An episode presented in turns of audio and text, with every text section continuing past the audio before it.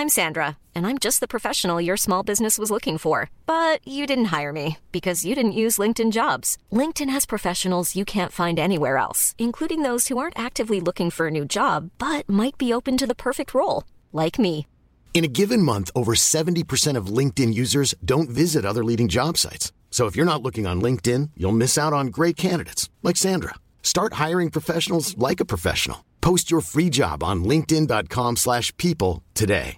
A lot can happen in three years, like a chatbot may be your new best friend. But what won't change? Needing health insurance. United Healthcare Tri Term Medical Plans, underwritten by Golden Rule Insurance Company, offer flexible, budget friendly coverage that lasts nearly three years in some states. Learn more at uh1.com. Hey, I'm Ryan Reynolds. At Mint Mobile, we like to do the opposite of what Big Wireless does. They charge you a lot, we charge you a little. So naturally, when they announced they'd be raising their prices due to inflation, we decided to deflate our prices due to not hating you. That's right. We're cutting the price of Mint Unlimited from $30 a month to just $15 a month. Give it a try at mintmobile.com slash switch. $45 upfront for three months plus taxes and fees. Promo rate for new customers for limited time. Unlimited more than 40 gigabytes per month. Slows. Full terms at mintmobile.com.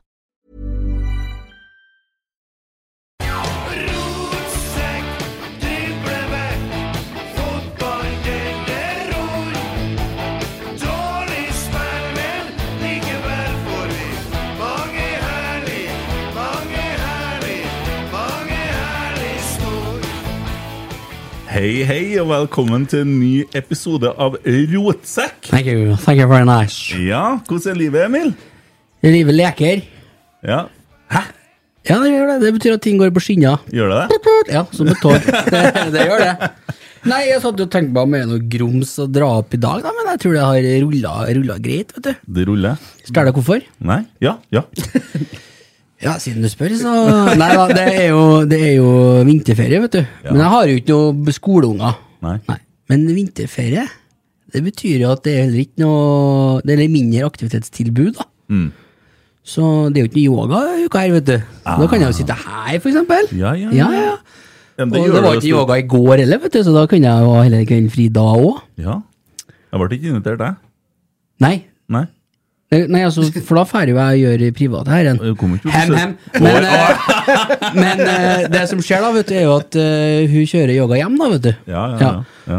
Og da får jeg beskjed om å holde meg ute. ja For da det- får jeg besøk til sin yoga. Å, ja, sånn, ja. ja. Ja. Å ja, så er det derfor vi har kjøpt et hus til 300 kvadratmeter, ja! Mm. Så jeg kan holde meg unna. ja. Trodde liksom greia var at vi kunne være i forskjellige etasjer og sånn, nei, men det var ikke, vet du. Nei. Det går jo 84 dører. Men, Noen eh, plass må det jo kunne være. Ja. Er du overtenkt? Jeg sa bare, jeg bare går meg bort litt jeg, mens dere har yoga. Ja. Eh, nei, men så det passer veldig bra, altså. Det er greit, ja, for da slipper du ungene og sånn, vet du. Ja. Det sa, det sa ikke jeg høyt, men du gjør det. Ja, jeg skjønner. Jeg har et kjempeproblem nå. Mm. Uh, jeg har jo to av jentene fra Rørvik Mm. på besøk. Interessant. interessant. Og Sorry. Nei. Fy faen. Nå bandt det seg òg. Unnskyld, Karen. Hysj på deg! Eh, nei, og så Og så er det sånn at Du, vi bruker angreretten. Sånn. Da er 30 sekunder sletta. Vær så god. ja. Eh, jeg har to av jentene fra Rørvik på besøk, og Ja. var flink i går. Hadde dem med på eh, Det sto litt sånn skøyter. Dem, da. Jeg satt og så på, som en sånn type litt eldre pappa ville ha gjort. Jeg Ja. Går ikke på skøyter sjøl. Nei, du er ferdig med det nå. Forrige på kino på Prinsen, på den derre Epic-salen. Dæven, det var bra! Var det sånn? Var det epic? Ja, sånne stoler som du kunne kjøre ut uh, fothviler på. Å, ja. Det var helt genialt. Hørtes billig ut. Nei, billig og billig det. det går da godt i rotsekk, Ja, ja, og ikke tenk på det. Nei, Nei men uh, fikk jeg beskjed. Jeg satt tatt med matbord i stad. Hvilken dag vil dere til Pirbat i dag, vet jeg, sier Stine. Ja, for det var ikke du som sa. Nei. I morgen I morgen skal vi pirballe, så da skal jeg, da skal jeg dit. Hvordan skal du løse det? Jeg kommer meg ikke unna. Dessverre. Nei. Jeg hæler ikke, vet du. Også, Jeg var der på mandag, da. torsdag i vinterferien når det er meldt dårlig vær, da. Av alle dager. Ja, nei, så det blir det å Pepsi Max. stå i fotsopp Maximum og alt det taste, der. no sugar. Ja, vi er sponsa, og vi skal ha litt eh, sånn plassering etter hvert. Enn du, Tommy? Kom jeg ned etter eh, kommentatorlivet? Ja, normal stemme igjen. Kim Ruud Tommy. Ja, det er jo hyggelig, det. hyggelig det, Absolutt. Men eh, nei da, det, nå er jeg på plass igjen. Har du begynt å røyke, eller? Eh, ja. Du har det. Jeg starta med ti nå. Ja. Ti om dagen. Åh, den er hard når du begynner rett på. Ja. Ja. Men jeg foreslår at du begynner med røykeplaster. Jeg, jeg tror det blir brått å gå rett på røyk. Ja. Så hvis du Ja. begynner med røykeplaster og nikotintyggis, og så trapper opp, så Ja. blir... blir Inn mot sesongen, ja. Og så litt ja, ja. snus, kanskje. Ja. Ja, det er et godt poeng. ja. Og så kan vi nå søke etter en sånn uh, sigarettpåtenner til deg etter hvert.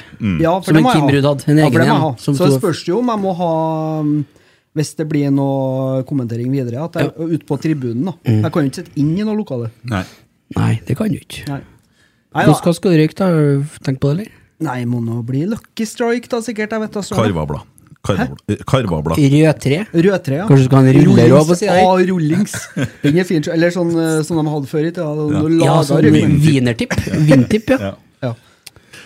Ja. Ja nei, men så bra, da. Eh, eh, vi har jo gjort en del ting, så Kåre var jo her i poden, og poff, så er han trener i Ranheim. Så Perry. uh, ja. Velkommen til Rotsekkstudio. Takk for det. Tusen takk. Ja, det er kult å ha deg her. Jeg skal bare begynne, begynne med en liten samtale. Jeg skal høre om du kjenner den igjen. Pepsi Max. Eh, jeg skjønner godt at du stiller opp et eventuelt intervju på brakka, Perry. Jeg lik- liker måten du opptrer på, hvordan du er som menneske. Og så kommer rådene her nå fra en klok gutt, skal du høre. Øk verdien din, men vær snill og fullfør det du er i gang med. Ikke hopp av Lerkendalsgutta så lenge det er så mye grums der. Spør deg selv hvorfor sier Eggen ifra seg denne muligheten. Jeg var helt oppe og nikka, men sånn jeg så det. Ta det riktige valget, bli hvor du er, oppnå resultat med ungdommene, altså på landslaget, og høst av det du har sådd, Kent. Svar. Trenger jeg et fotballfaglig råd fra en som bor i Rørvik, skal jeg ringe deg neste gang. Er det der? Ja, ja, ja! Bare troll sitter Og så svarer jeg hyggelig det. Ser ikke helt sammenhengen med geografi her, da. Tror ikke Rørvik Tror ikke Rørvik legger noe fotballfaglig svakere grunnlag enn Namsos og Trofors. Det at du faktisk Og nå er jeg tøff, da. Det at du faktisk svarer, viser vel mer tæl enn jeg turte å håpe på. Shit. Håper du lykkes med en du nå velger. Du må bare søke opp navnet mitt i 1881 om du skulle ha behov for å ringe. da Herregud. ja, Flott! Ikke usannsynlig om jeg trenger råd. Rørvik er flott, og Gunnar Hemming er en god spiller. så, så, så går det en dag til. Gratulerer med ny jobb snart, da. Så stiller jeg meg 100 bak avgjørelsen og skal bidra blant kjernen og så videre, eh, der jeg kan, til ro. Du får nok noe kjør de kommende dagene, og jeg har skjønt at du har rygg til det. Tenk at det klapp på skuldra for en av de syrlige personene som har meldt deg i prosessen, allikevel kan være greit. Så da går vi sammen mot sort og hvitt gull i 2013. Lykke til fra Rørvik. Takk skal du ha! Ser deg på Lerkendal. Er det bra? Jeg vet ikke jeg, hva, om det var flaut eller men- Bra er det, ja! Men Jeg lærer nye ting hele tida om det. fikk du mange meldinger den tida der?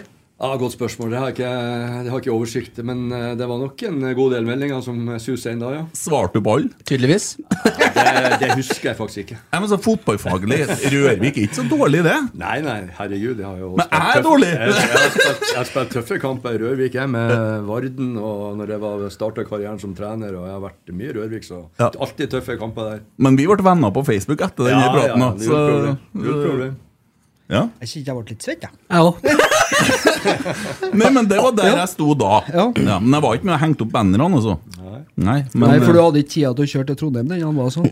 nei, men jeg var, nei, men altså, som jeg sa når avgjørelsen er tatt, så stiller man seg bak.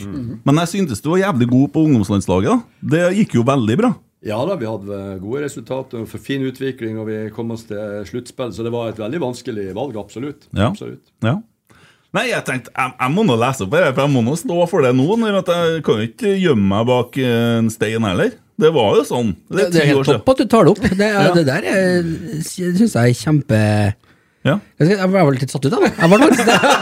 At du syns at du aldri kunne ha falt meg inn og gjort noe sånt Sånn direkte til, til noen, egentlig. Nei, men så skryter jeg litt av det. det, men, det, er jo, men det er mange som gjør det, og det er jo sikkert både positivt og negative sider ved å motta sånne ting òg, men Ja, ja, men man må Sånn er nå verden, liksom, Noen ganger har man tid, så svarer man, og noen ganger så svarer, har man ikke tid. Så sånn er det. Ja. Men, eh, Han er fra Mosjøen, da. Nei, unnskyld, Trofors. Ja, det er viktig. Ja, det er viktig. Det er fire mil, det er mye. Ja. Så det er viktig, altså. Jeg jobba for Arbor jeg, på Hattfjelldalen. Og du gjorde det, ja? Ja, jeg, jeg, jobb, eller jeg var selger her, da, men ja, ja, ja. Så Ja, da er du, dem kjenner jeg godt til. vi har litt eh, alltid, Men jeg har ikke vært spilt i Trofors. Men i Mosjøen!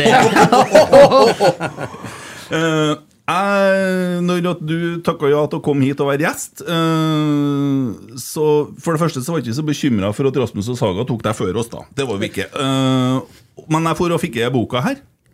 Og tenkte nå må jeg bli litt kjent med en eh, Per Joar. Uh, og den boka den overraska meg. Ja vel? Fordi at jeg synes den er veldig klokt skrevet, for det er litt humor, og så er det fag, og så er det humor, fag, humor, og så det, Du klarer på en måte å henge med på det faglige, og det er utrolig mye bra faglig stoff i boka her.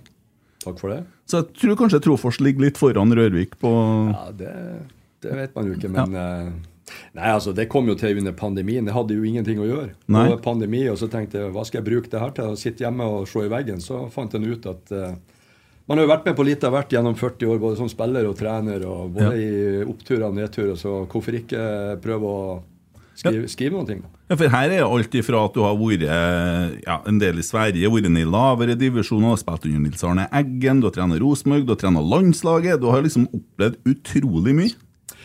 Ja, når du ser tilbake, så blir man jo ganske overraska og privilegert at man har fått lov å vært med på alt man har fått lov å vært med på. Så det har jo eh, Så litt av bakgrunnen er, man, er jo at man har fått liksom vært med på hele, hele reisen. Jeg har jo begynt jo i fjerdedivisjon med Varden i Meråker, og jeg har vært i tredjedivisjon. Jeg har vært i alle aldri andre, men Obos og Eliteserien, U21, eh, A-landslag. Så, så man har jo liksom fått gjort alt som går an å få, få gjøre i norsk, norsk fotball, både nasjonalt og internasjonalt. Så det er jeg glad for. Ja.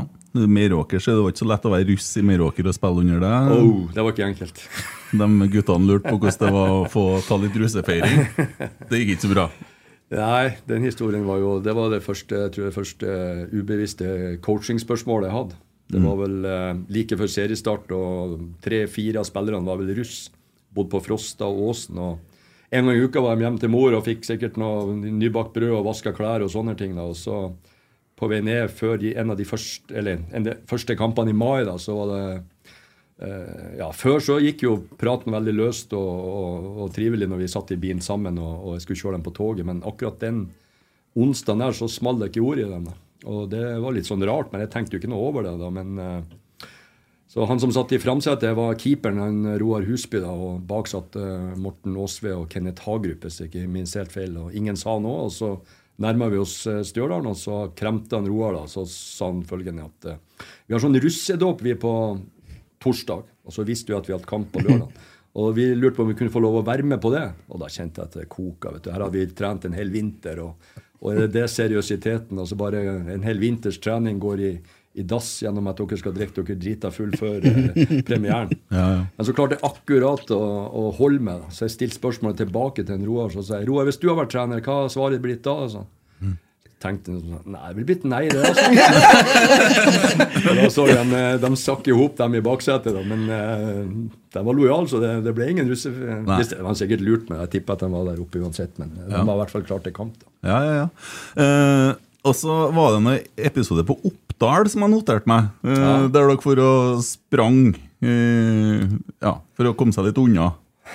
Ja, det var jo en eh, veldig spesiell sak, det der. eh. vi var jo på sånn lagbyggingshelg i, i det var, Om det var i 88, da, på første året til Nils Arne. Og da skulle vi opp til Oppdal og, og liksom ha ei helg der vi skulle bare spille five-a-side i hallen og lagbygging. Og så ja, fest og moro og bli kjent og alt det der. da. Det var jo artig. ja.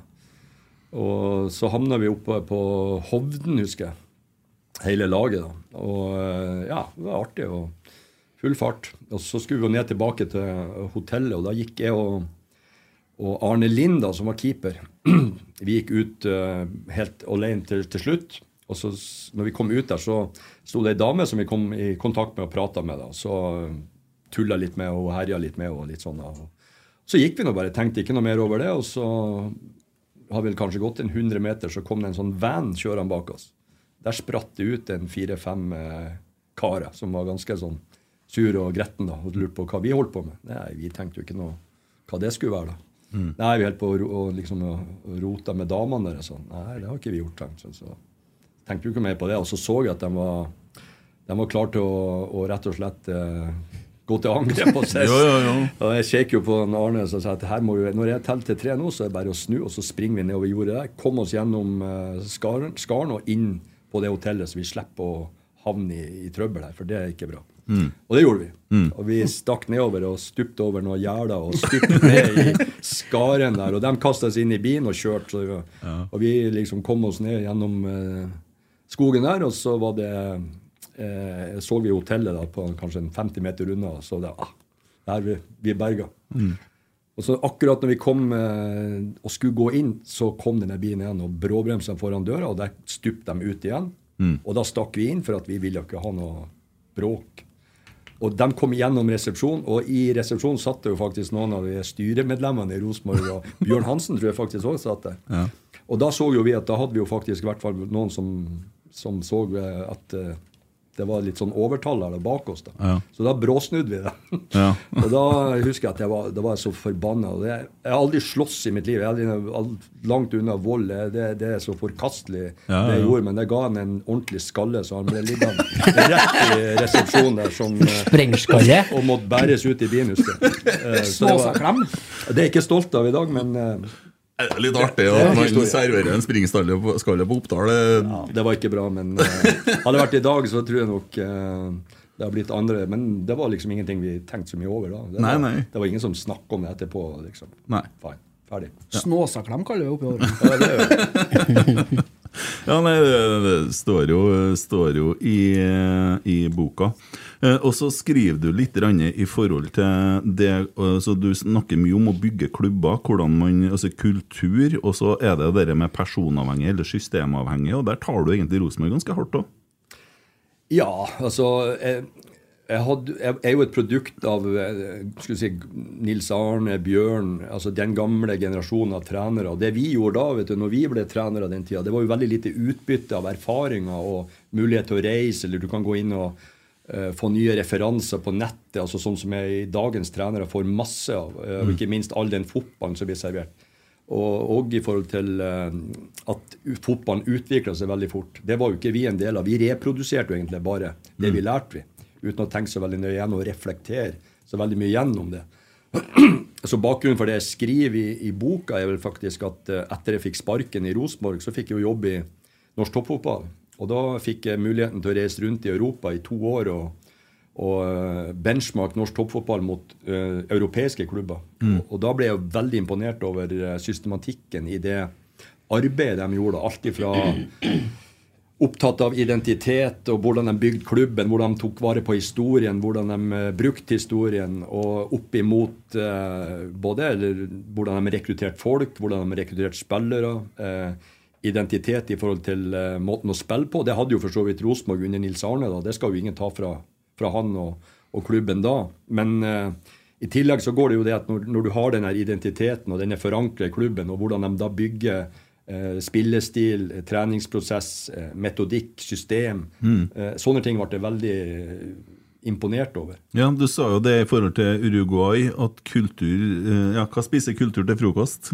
Ja, altså Kultur spiser jo strategi til frokost. Det er jo et gammelt eh, begrep og, som er brukt i 50 år av Peter Drucker. Liksom. Men, eh, men eh, det, det å overføre det til fotball er jo, eh, er jo veldig sånn spesielt. Og der har jo fotballen eh, tatt steg eh, de siste 20 årene i forhold til profesjonalisme og, og, og måten de bygger klubb på lik linje med f.eks. næringsliv og gode organisasjoner. Eh, og så er jo fotballen en veldig sånn spesiell bransje. Etter. Den er veldig sånn følelsesstyrt. Ja. Og da, da syns jeg det var veldig fascinerende å se hvor, hvor viktig de uh, syns struktur og, og systematikk var det, så at ikke følelsene skulle ta overhånd, og at det ble tatt uh, avgjørelser på følelser og ikke fakta. Ja, men du snakker jo om antall trenere etter Nils Arne Eggen, og at det på en måte var veldig personavhengig og bygd rundt personer i, på Lerkendal, og hvor hva skal vi si, lidende man blir av det. da. Og Det ser man jo summen av nå. Ja, vi er jo sikkert 20 stykker, eller kanskje mer. Og jeg vet ikke hvor mange trenere Rosenborg har hatt etter eh, Nils Arne ga seg første gang. Og det, er jo en, en konsekvens av at klubben eh, ikke har kanskje da bygd de strukturene og, og gjort den jobben og, og, og satt ting i system. da. Nils Arne hadde jo ting i, i system, men det var jo i sitt eget hode. Så den dagen han slutta, så tok han jo egentlig med seg alt av det han hadde av kunnskap ut døra, uten at noe av det var ordentlig systematisert. Så det var jo det som, er, eh, som var, om jeg skal si kritikk, men en konstruktiv feedback til både Rosenborg og norsk fotball. Men, eh, men det ser man jo nå, at klubbene i Norge, og i hvert fall i, i, eh, i, i Eliteserien og Obos-ligaen, og spesielt i Eliteserien, har blitt veldig flink da, til å systematisere og gjort eh, den jobben mye mer grundig. Og det er jo f.eks. SalMar-akademiet et resultat av at, at man systematiserte saker. nå. Ja, ja det, Vi snakka jo om det for ikke så lenge siden her òg, i forhold til viktigheten av å på en måte bygge rammer så det ikke blir så kostbart å skifte trenere. For at det, man skifter hele tida kurs. Det, ja, bytter mye spillere og Han Tore Berdal det, som snakka om det. ja. Eh, Men også tenker jeg på i forhold til det som skjer da i 2004, så får jo, får jo Ola By Riise beskjed om at han ikke får fortsette som hovedtrener. Du var jo assistenten hans da. Eh, og så uh, er det sånn at man kvitter seg ikke med begge, man kvitter seg bare med hovedtreneren, og så sitter du igjen og tar over hovedtreneransvaret. Og der skjer det jo noe sånn møtegreier som var litt forvirrende, skjønte jeg. Ja, det var jo en spesiell sesong, og, og uh, Ola tok jo over etter mange år som, som assistent. Og det er jo heller ingen lett jobb å, å ta over, og spesielt etter den du tar over for. da. Så, så eh, det var jo en vanskelig, vanskelig eh, sesong, og den begynte jo allerede i på treningsleir i januar. og Det skriver vi òg, at, mm. at eh, på en av de første møtene så uh, ble det jo liksom tilkjennegitt at det, det her kan bli en vanskelig sesong fra noen i, i øverste hold. Og klart, Du begynner jo med, med ganske sånn uh, Og det var store sko å fylle. og, og eh, og, og, ting utover sesongen eh, ble jo vanskelig. Selv om vi til slutt ble, ble seriemester, så igjen, det var liksom ikke godt nok. Eh, fotballen var ikke go god nok. Eh, eh, det meste var liksom ikke godt nok. Det, det var jo liksom en del av det som har forfulgt klubben som en mare. Eh, og jeg har jo ikke tenkt noe, jeg har jo ikke tenkt noe, noe tanke, og hadde jo ikke noe ambisjon om å, om å ta over jobben til Ola. Jeg var jo assistenten. Det var jo det som var jobben min. Men utover den eh, høsten da, og, og sånn, så ble jo møtevirksomheten eh, ganske så hyppig etter hvert. Og etter hvert så gikk det òg over i perioder der det ikke ble sagt et ord av noen. Og det er for meg da, som er veldig fri altså Jeg sier jo ofte, ikke bare ofte, jeg sier meninga mi, og jeg syns hvordan saker og ting oppleves. Og, og da husker jeg jo at ja, et par uker før det egentlig small, så hadde det jo vært en lang periode der ingen sa noe. Og det var helt tyst. Og da husker jeg at jeg sa til både en i styret som eh, satt i en veldig høy posisjon, og en annen som satt i en høy sportslig eh, posisjon, at eh, det her er jo eh, langt fra greit. Her må dere jo faktisk snakke om hva er det som foregår, og hva skal jo skje framover, for her er det, det her er jo uholdbart. Ja. Og da ble det jo det her med at, eh, at egentlig Ola ble kalt inn og, som jeg opplevde, satt et kabinettspørsmål egentlig til, til, til eh, en del av de viktigste spillerne da, som på en måte har vært med Nils Arne hele veien. Eh, og gjennom Rett ifra et, fra en Jeg var faktisk på vei hjem i bilen.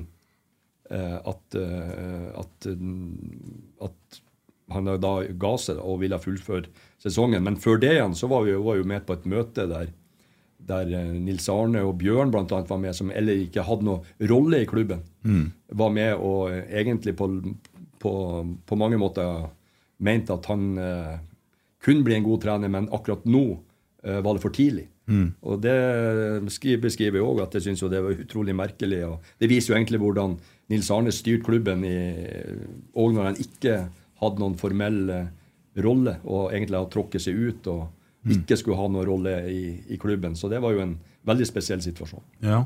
Og så tar du over da i 2005, og så skal Nils Arne være en slags sånn eh, konsulent. Men det ender jo med at han nesten står bak deg på benken, skal du si.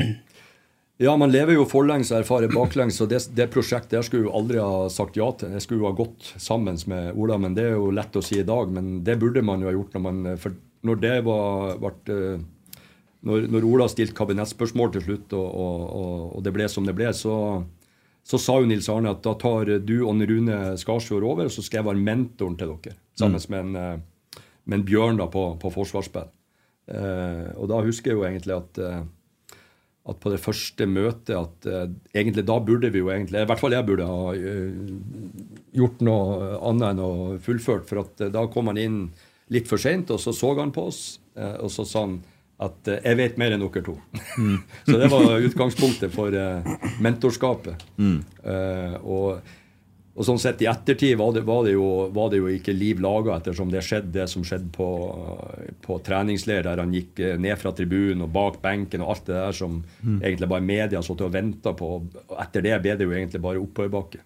Så, eh, så i august så fant jeg ut at det her, går, det her er jo, det er jo nytteløst. Det altså Lufta var ute av ballongen, og spillerne eh, hadde jo ingen tro på verken det ene eller det andre. Så det, det var jo bare et uh, prosjekt som var dømt til å mislykkes, egentlig.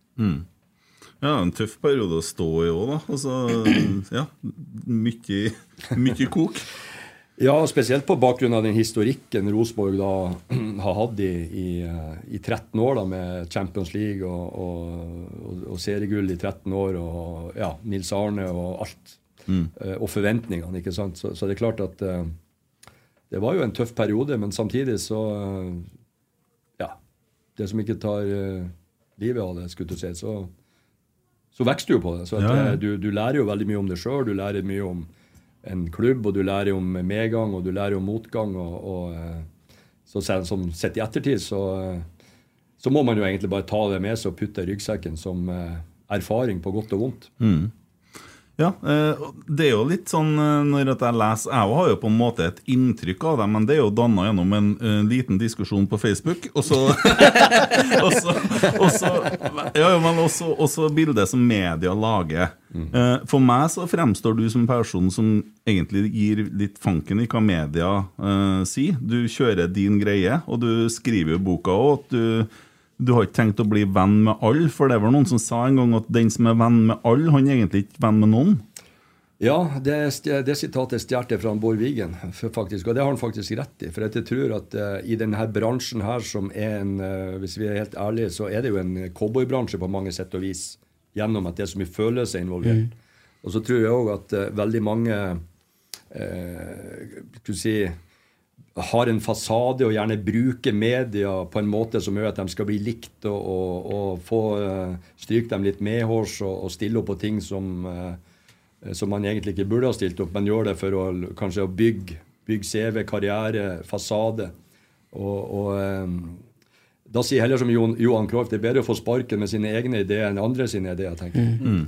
For at, jeg tror at Hvis du skal overleve i det her og, og beholde integriteten din, så, så, så spesielt sånn som media har blitt i dag, så, så, eh, så blir det bare brukt mot det, egentlig. Den dagen de bestemmer seg for noe helt annet. Og Det har jeg jo sett veldig mange eksempler på. og det, det vil ikke jeg være en del av. Det er mye bedre å, å stå for noen ting og, og, og beholde den integriteten eh, eh, ja, både når det går bra, og ikke minst når det går, går dårlig. Ja, eh, for, for, for mitt inntrykk av deg endrer seg veldig etter å ha lest den boka. Altså, jeg skjønner jo at du er faglig sterk, det, det har jeg jo skjønt. Det, det skjønte jeg når vi det. Men, men, men man kommer litt under huden på deg, der du er jo veldig åpen. Du forteller på en måte i forhold til sønnen din som kjefter på deg fordi du har vært lite til stede. Du, du er også eh, til tider da sårbar, da. Eh, også i forhold til hvordan ting har vært for deg. Og ja, da, Det er litt sånn godt å bli kjent med deg, og anbefaler virkelig den boka for folk som er nysgjerrig på norsk fotball. i det tatt. Og ikke minst da, hvor, hvor trua du har på de egne ferdighetene i forhold til faget. da. Ja, så går jo, om, det, om folk vil lese det pga. det her, så går jo pengene til gatelagene i Norge. Det er jo viktig å få med. Og gjør de det, ja? Ja, ja. Alt av, Jeg har ikke tjent en krone. Det var ikke, det var ikke derfor poenget å lage den boka. Nei. Så alt av det overskuddet av den boka går til gatelagene i Norge. Så Å, det, det så hyggelig. Det, det var ikke jeg klar over. er bra. Eh, Nei, altså det, det, det er jo derfor man sitter når man sitter på et og er pandemi et år, så får man jo tid til å reflektere over eh, livet og hva man har brukt tida på. Og, og spesielt når man har, har vært i, i, i en rolle som, som topptrener, så er det jo 100% Og det er klart, det går jo utover nå, da, selvfølgelig. Og, og, eh, så skal ikke jeg sitte og sutre her at jeg har vært til lite til stede og sånne ting. For at eh, det er jo et valg du tar, da. Mm. Og, og, eh, du, skal, du blir jo ikke spurt om å være hovedtrener. eller- Eller du, du, du kan jo svare ja eller nei. Du blir ikke valgt, du kan svare ja eller nei. Mm. Og jeg har jo liksom bestemt meg for at det her er det som jeg har brent for da, i så lenge. at det, det, Og da går det jo utover et eller annet. Det går utover ferie, det går utover eh, oppfølging og, og, og så videre og så videre. Og så, Mm.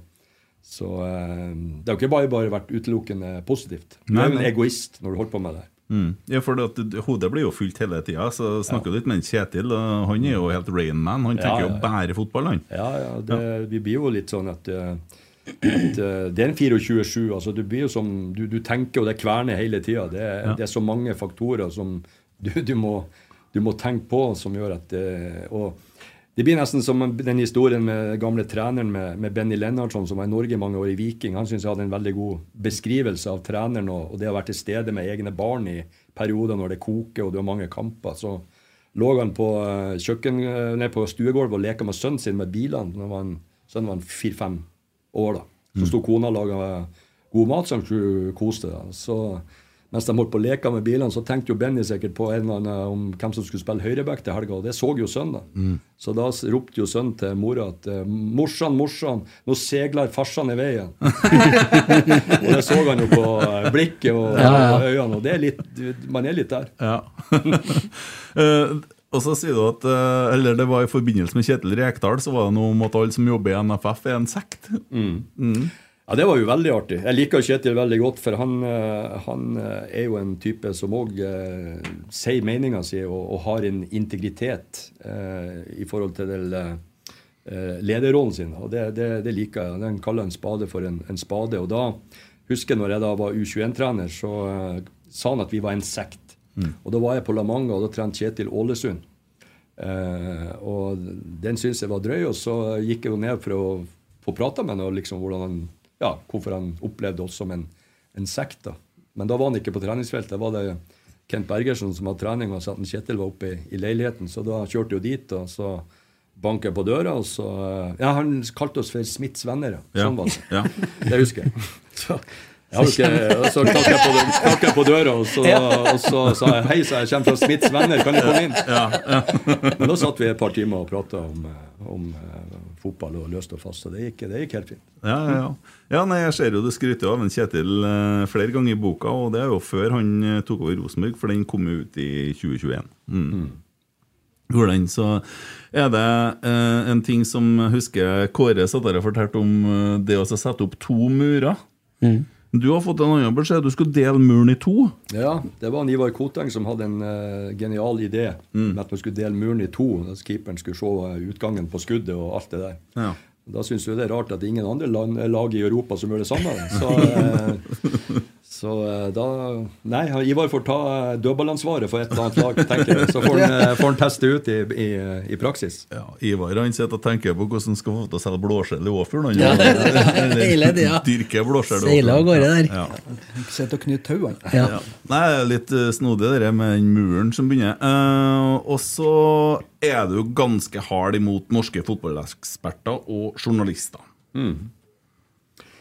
Ja, altså det, det For at eh, jeg opplever jo de norske nå, Og det er jo det sagt, jeg sier jo dem som jeg, som jeg mener er gode òg. Så det er jo ikke svart-hvitt. Men jeg, jeg opplever jo at veldig mange av de her ekspertene i Norge som kaller seg eksperter, veldig mange av dem har jo aldri vært trener sjøl, og knapt nok spiller.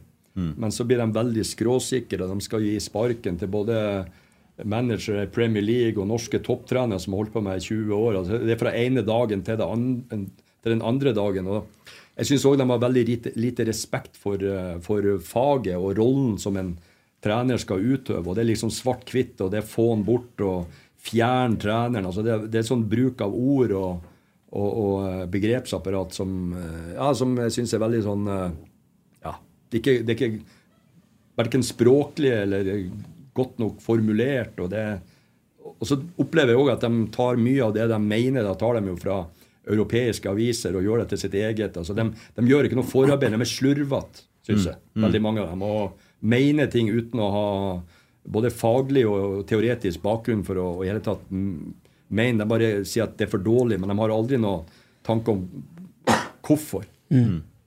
Ja, Du navngir jo Jesper Mathisen, så jeg skal notere trash talk. Ja. Det var noe der.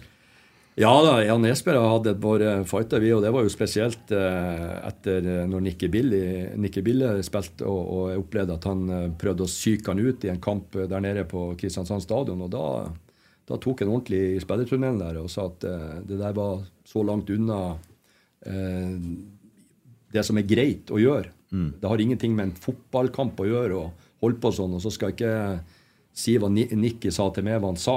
Så jeg fikk jo roa ned Nicky. Alle kjenner Nicky. Og, og eh, det var like før eh, rødkortet kom, og det var like før han gjorde noe dumt. Heldigvis klarte vi å roe ned i pausen. Og etter kampen så var jeg veldig tydelig ved Jesper Mathisen og i, eh, i forlengelsen Mons Ivar Mjelde, da, som var trener, var at jeg måtte ta tak i. Og eh, ja, jeg har jo ikke noe mot han. Sånn, som Anne, jeg syns han var han slengt med leppa når, når jeg og Lars Lagerbäck hadde landslaget òg, og det var fjern Lars Lagerbäck og ditt og datt. Det er en mann på 72 år som har vært i sju mesterskap. kommer en, eh, en eh, kar ned fra Kristiansand som har noen kamper i, så vidt i norsk eliteserie. og liksom, ja, det, det Ikke my cup of tea, for å si det sånn. Nei det, det leser jo. Eh, en annen ting i forbindelse med Nikke Bille er jo at du opplever at Arve Tellefsen skriver eh, et innlegg etter Det var jo etter han reiv sund drakta, for da, Mm. da mista han deg litt, han godeste Bille, da. Ja da, han mista det mange ganger, han. Og, og um, Nikki eh, er jo eh, Det er jo en, eh, for så vidt eh, et kjent eh, det er, jo, det er jo en kjent historie hvordan det har gått med han etter at han har vært i, i, her, da, i Rosenborg. Og det er jo ikke noe artig å, å lese om det han opplever og, og uh, har gjort etter karrieren. Samtidig så det vet han ikke at, uh, at det er meg nå.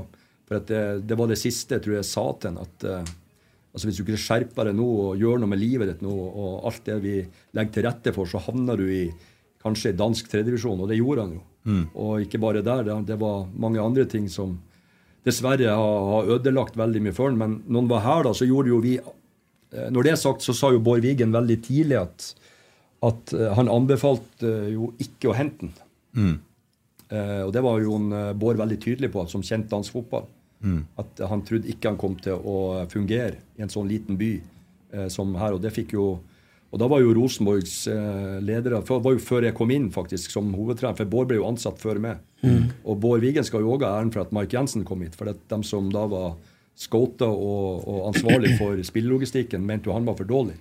Eh, Så Bård fikk jo rett på Mark Jensen, han fikk jo òg egentlig rett på, på, eh, på, på, på Nikke. Mm.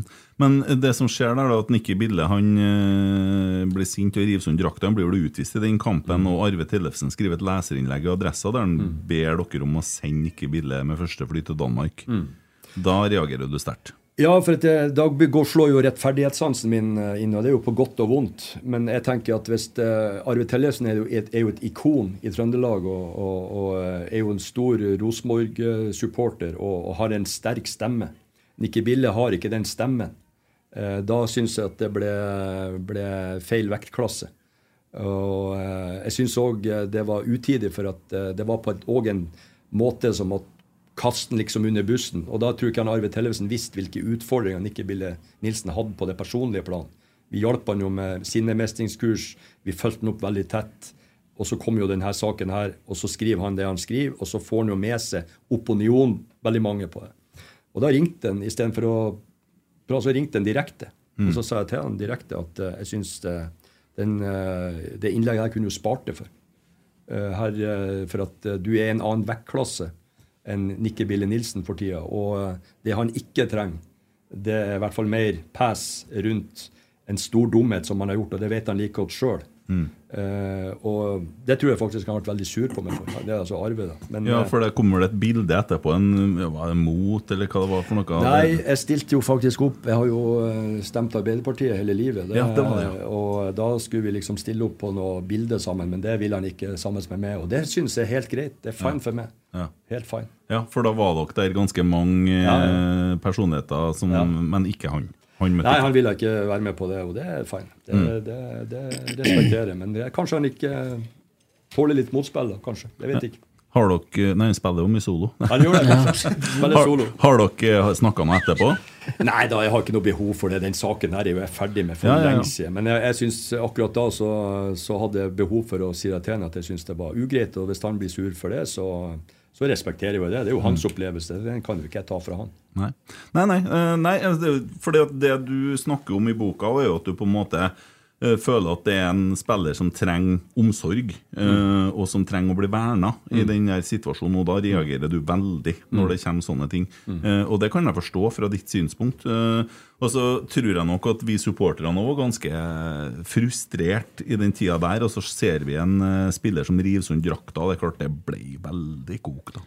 Ja da, det er klart jeg har full respekt for det. Ja. Og, og, og, og så er det jo alltid sånn at følelser igjen i fotball Det, er jo masse følelser. Det er 20 000 på kamp, han river sund drakta. Mm. Og så er det jo sånn at uh, det, den situasjonen og det momentumet gjør at folk reagerer, selvfølgelig, uh, Mm. på den måten. Og så kjenner jo ikke dere han og hans utfordringer på uh, Det gjør jo jeg. Mm. Og da, får jo, da slår jo den fars Jo, jo. greien inn og, og vil beskytte han mot en sterk opinion som vil liksom kaste under bussen eller kappe hodet av han. Mm. Jo. Sorry. Nei, for, for min del i den perioden så var faktisk både Mike altså Han har jo også kjent for å ha et ganske eh, friskt temperament. Og både, jeg, synes, jeg ble veldig glad i både han og Nikke Ville fordi at de visste følelser på banen. De ble på en måte en forlengelse av supporterne. Ja, selvfølgelig, det, det er ugreit å rive sund et- ei skjorte, men, men samtidig så var det det at han visste så tydelig at han hadde lyst til å lykkes med Rosenborg. Så for meg så var det uproblematisk. Det var mer den passion at, de, at vi hadde fått inn noen som faktisk brydde seg. Men jeg, jeg, jeg, snakka med hva var det, Tore Reginussen her om dagen eh, og i forhold til sånn eh, som går på sånn mentale ting og psykisk helse og alt mulig sånn. Og da, da kommer det til at jeg, jeg tror det var en Tore jeg snakka med om. eh, Du har jo og folk som på en måte Det presset du lever under når du står i det spillet der, og, og, og, noen her eh, er det jo av og til noen diagnoser ute og går, og til med ikke bare det, men du opplever eh, spillere eller artister òg som er nesten redd for å bli frisk, for man er redd for at man mister det der som man har av den råskapen ute på banen. For man må ha den galskapen, og det vil jo nødvendigvis være vanskelig å balansere på privaten noen ganger. Det kjenner du kanskje igjen i forhold til alle Absolutt. menneskene du har omgått? Ja, også. absolutt. Det finnes jo alle kategorier mennesker i en sånn garderobe av 20-25 spillere. Så har du jo alle typer preferanser Mm. og, og ulike behov som gir seg uttrykk i ulike måter å, å, å være på. Mm. Der du har eh, Nikke på en måte, og du har eh, Tore Reginus har jo nettopp snakka, han har jo en annen måte. altså Du har jo Mm. alle, alle spektre, og det er jo det du skal prøve å Ja. Og- Jo, jeg kjenner jo igjen det litt sånn, Jeg ser jo denne diskusjonen om Ole Sæter òg, og det, det er sånn som han har òg litt av den derre Det ser ut som han er av og til når han går inn ut på banen, så er han nesten i sånn boble. Han er nesten i sånn det, det så, Sant? Og jeg tror han er avhengig av å ha det for å kunne prestere på det nivået som han skal. Så- Ja, det er jo veldig mange u altså der, der er jo en spillergruppe veldig forskjellige. Noen, noen går jo inn i seg sjøl i denne bobla, og du kan ikke snakke til dem, og de blir sinte, og de er liksom på, mens andre er helt rolig igjen. Altså du, og slapper helt av og hører på musikk, mens andre står og tripper i, i dusjen. Altså du har jo et sett av uh, måter du forbereder til, Ja. til kampen, og det er jo en individuell ferdighet. Ja, det er det. Uh, og så er det litt grann skriverier om gress og kunstgress. eh, litt ute i slutten på boka der. Og det er jo eh, det du skriver der, er jo musikk i mine ører. Eh, for du uttaler jo at eh, fotball skal spilles på naturgress. Ja, jeg mener jo det. Vi konkurrerer jo på gress. Og, og det er jo det som er litt av utfordringen i norsk fotball nå. at eh, Nå er det kanskje tre klubber med, som har en ordentlig europeisk ambisjon. Det er jo Rosenborg, alltid hatt. eh, Molde. Og nå har jo òg Bodø-Glimt fått det. da. Mens resten har vært litt sånn diffus eh, på, på den ambisjonen. Og, og da er det jo at vi konkurrerer jo tross alt på gress. Det er Mm. der vi konkurrerer. Og når vi da det blir jo som å gå på glassfiberski kontra treski. Altså, du må jo konkurrere på det underlaget du skal spille europeisk fotball på. Så der har jo Rosenborg, etter all ære Du har jo verdens beste banemester der i, i eh, Anders, da, så, som får til den banen. Og det er fantastisk. Det viser jo at det går an i alle andre klubber nå. Ja, Men altså, hvis du tar bort den eh, biten som går på økonomien i å trene på kamparena, så sier jo Anders Øyen nettopp når han sitter her i poden at det er eh, like dyrt å legge kunstgress som det å ha naturgress med det det koster å vedlikeholde, fordi at du må skifte kunstgress så og så ofte for at det skal ha den kvaliteten som det skal ha.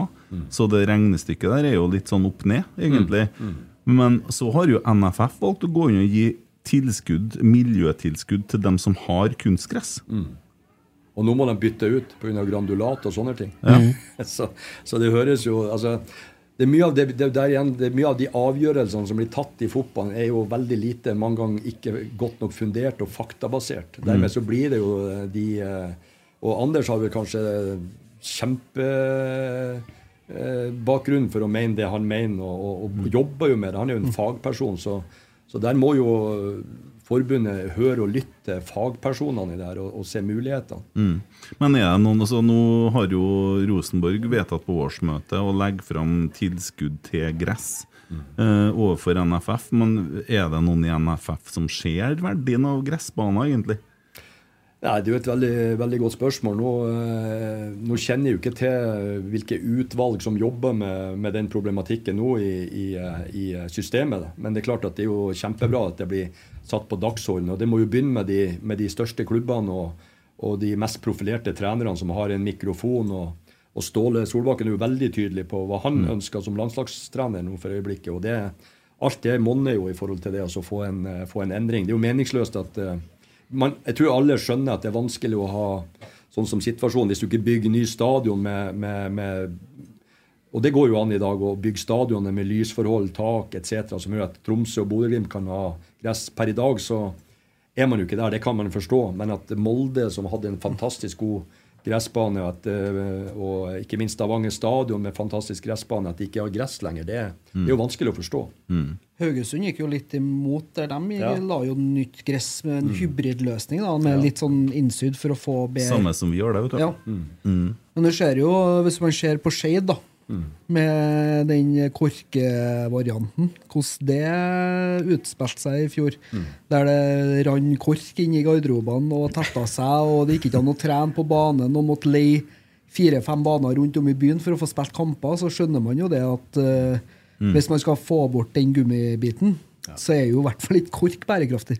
Men det er jo bare å legge inn og si at de som spiller da elitefotball, skal spille med gress, og så får jo resten eh, altså, vurdere. Men at de som skal konkurrere på øverste nivå, bør jo absolutt eh, kanskje ha den lisensen. At eh, da er det både en god hovedarena på gress, og at man har treningsbane på gress, og at man nærmer seg Europa. Det går ikke an å snakke og nærme seg Europa hvis vi ikke tar konsekvensene av det. Nei.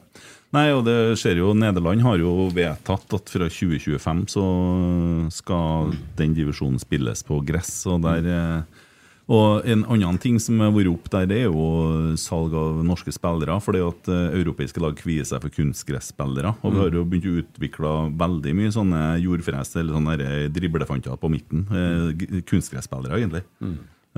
Så det er vel litt for framtida å få til gress òg. Eh, Siste ting der, så skriver du litt om dere der som går på treningsanlegget til landslaget. Det er ikke alltid like praktisk, skjønner jeg. Nei, da har vi òg en historie om at eh, alle eh, europeiske nasjoner med respekt for seg sjøl har jo laga en egen eh, anlegg à la for ski som Granåsen og Holmenkollen, så lager de jo fotball. Der kom den. Tror jeg er første gangen med gjest. Men det var et bra oppspill. Ja, det var veldig bra. veldig bra. Det var. Så han sprengtes i ansiktet. Ja. Ja. Og hesten igjen. Ja, Har du fått igjen pusten? da? Ja, Opp hesten igjen. Ja, ok. Opp på hesten, som du sa. Ja. Ja, ja. Det var òg en sak som vi kan komme tilbake vi tilbake til. Ja, vi tilbake til. Nei, men Poenget er jo at, at da bør alle landslag eller forbund ha sin egen treningsanlegg der du bygger kultur, og at folk kan, lag fra aldersbestemt, både damer og, og, og gutter, får komme inn og trene og, og være en del av noe større enn seg sjøl. Sånn som det er nå, så må jo eh, bl.a. et A-landslag eh, kjøre buss rundt hele Østlandet for å få en treningsbane, og spørre Lillestrøm fint om de kan hjelpe oss, eller om det blir Bislett. og over tid så blir ikke det heller godt nok når du har eh, profesjonelle spillere ute i Europa i store klubber som er vant til god tilrettelegging. Så må vi jo gjøre de grepene sjøl som forbund. Så jeg håper jo at Karl Petter Løken tar tak i det der nå, og at forbundet får til noe. Ja, du, du var jo forloveren hans. Ja, ja. Så jeg må jo sette press på han her nå. Ja. Jeg har sjansen. Der har du mulighet. til det. Ja. Dæven, legger du merke til hva jeg har eh, Lest, ja. lest meg Ja, ja. opp og sånn? Eh, fikk en, eh, han, eh, eh, hovedtreneren, Lars, eh, publisert den derre skrivet sitt om oppsigelse, eller? Han eh, hadde jo noe som de lovte at han skulle få De skulle publisere det på NFFs hjemmeside, var ikke det det ble? Ja, det var noe sånt. Ja. Nå eh, ble det vel ikke sånn som Lars utgangspunktet hadde tenkt seg, og det var han jo veldig, veldig tydelig på. Så det var jo en litt sånn trist sorti av en uh, stor mann. Eh, helt utrolig at han gadd å bruke uh, fire år som 70-åring til 73-åring til å være her og forsøke å få et norsk landslag til, til sluttspill. Og, og, eh, så det var en litt sånn trist, trist sorti. Det han ikke fortjent. Nei, for Han har hatt noe jobber opp gjennom livet, men det var første gang han fikk sparken. Første gangen i sitt liv han har fått sparken, og det fikk han her i, i Norge etter uh, sju uh, mesterskap, VM og, og EM. Det, det sier litt. Fikk du vinflaska, eller? Jeg fikk rett, i hvert fall. Ja. Jeg lukta lusa på gangen der, så når man har vært med så lenge i gamet i forhold til hva som skjer i ulike prosesser, så lukta jo Det gjorde nok, det gjorde nok eh, Lars òg. Men det var en eh, veldig nå gjorde, ikke, nå gjorde ikke forbundet noe feil sånn juridisk sett, men det var liksom måten de eh, behandler en, en, en, en sånn kapasitet på. Det var, jeg har jo, som jeg sagt, jeg har jo, det er nok den beste fotballmannen jeg har vært. Jeg, var, jeg har vært privilegert og fått lov å jobbe med han i, i nesten fire år. Ja, nei, det kan jeg si, det, det er jo ikke så stor forskjell på landslaget nå som det var før, egentlig. Sånn resultatmessig så er det vel ikke så stor avstand blitt, egentlig, har det det? Nei, men nå er det jo altså alle sånn, Vi tok jo opp alle de her ungguttene som fikk erfaring. og Det viser jo all sånn statistikk at eh, du må ha en sånn rundt 40 landskamper hvis du skal nå et sluttspill. og Nå begynner de å nærme seg både Martin Ødegaard, Erling Haaland og, og, og Sander Berge. og De begynner å få de x antall kampene i, i beltet som du må ha for å nå, nå sluttspill. Nå er, det jo, er de jo to-tre år eldre, og det viser jo dem hva de gjør i Premier League, blant annet. Spesielt de to med både Martin og, og, eh, og Erling. Sørloth for så vidt. Og ikke minst Alex da i Spania, og, eh, og det han har gjort de siste, siste sesongen. Blitt etablert, ja. Mm. Var du med å plukke ned bannerne? Nei, det var jeg faktisk ikke. Nei. Skulle jeg det? Har da folk til sånt, vel? Ja.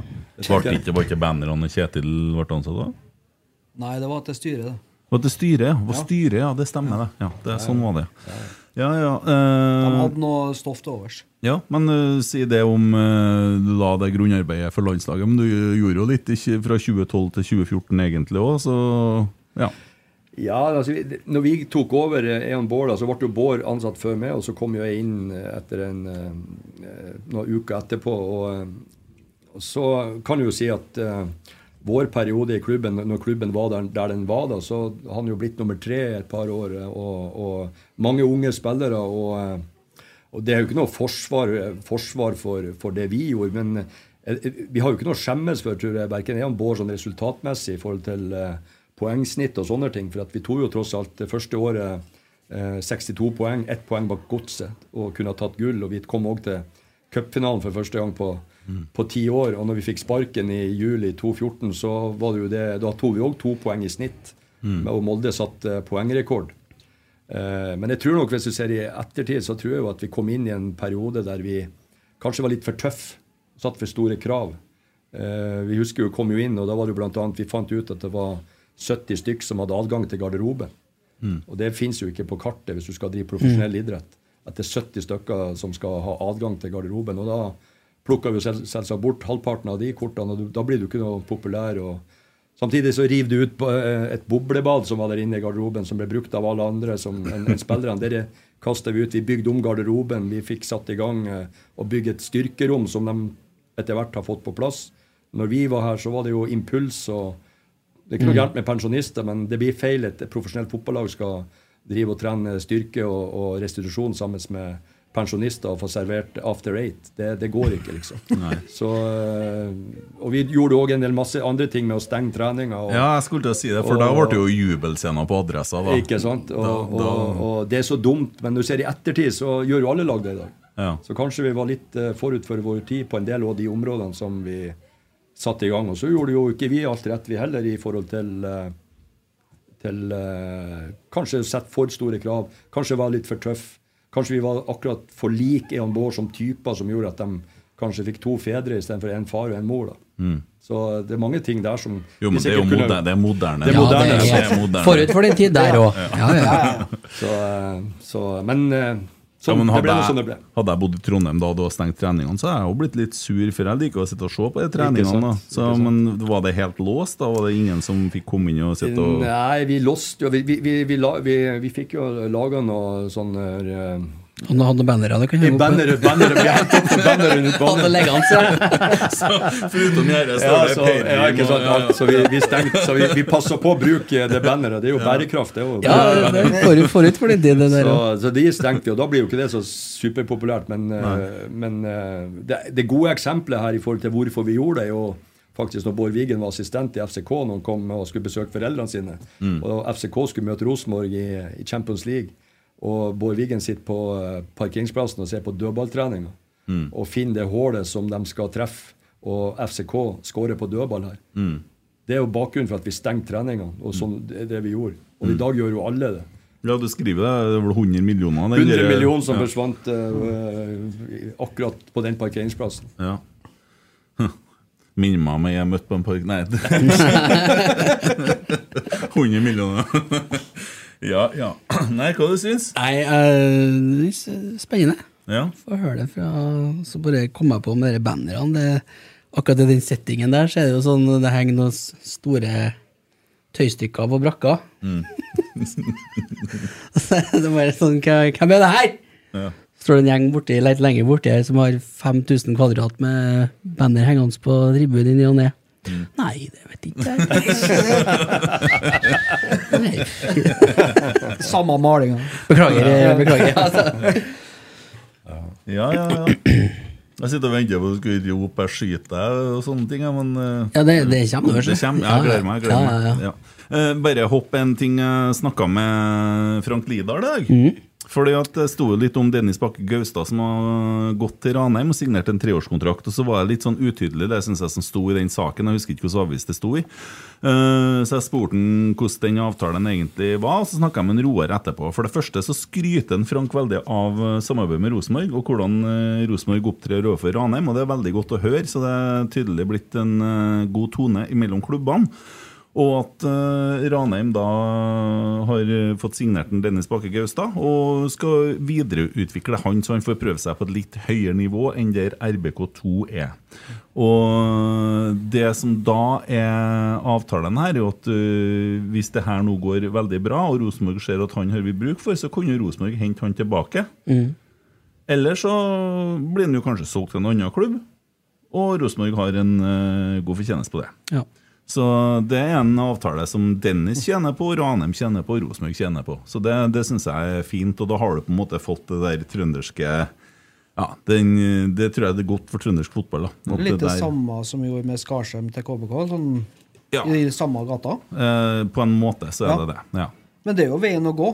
For eh, det er jo ikke plass til alle ungguttene på RBK2 på A-laget. Eh, nei, Rosenborg 2 blir jo svekka. Eh, Selvfølgelig. Det blir men- de på kort sikt. Ja, men eh, det er liksom øh, det beste for Ranheim og Dennis og Rosenborg. Det tror jeg er den avtalen her.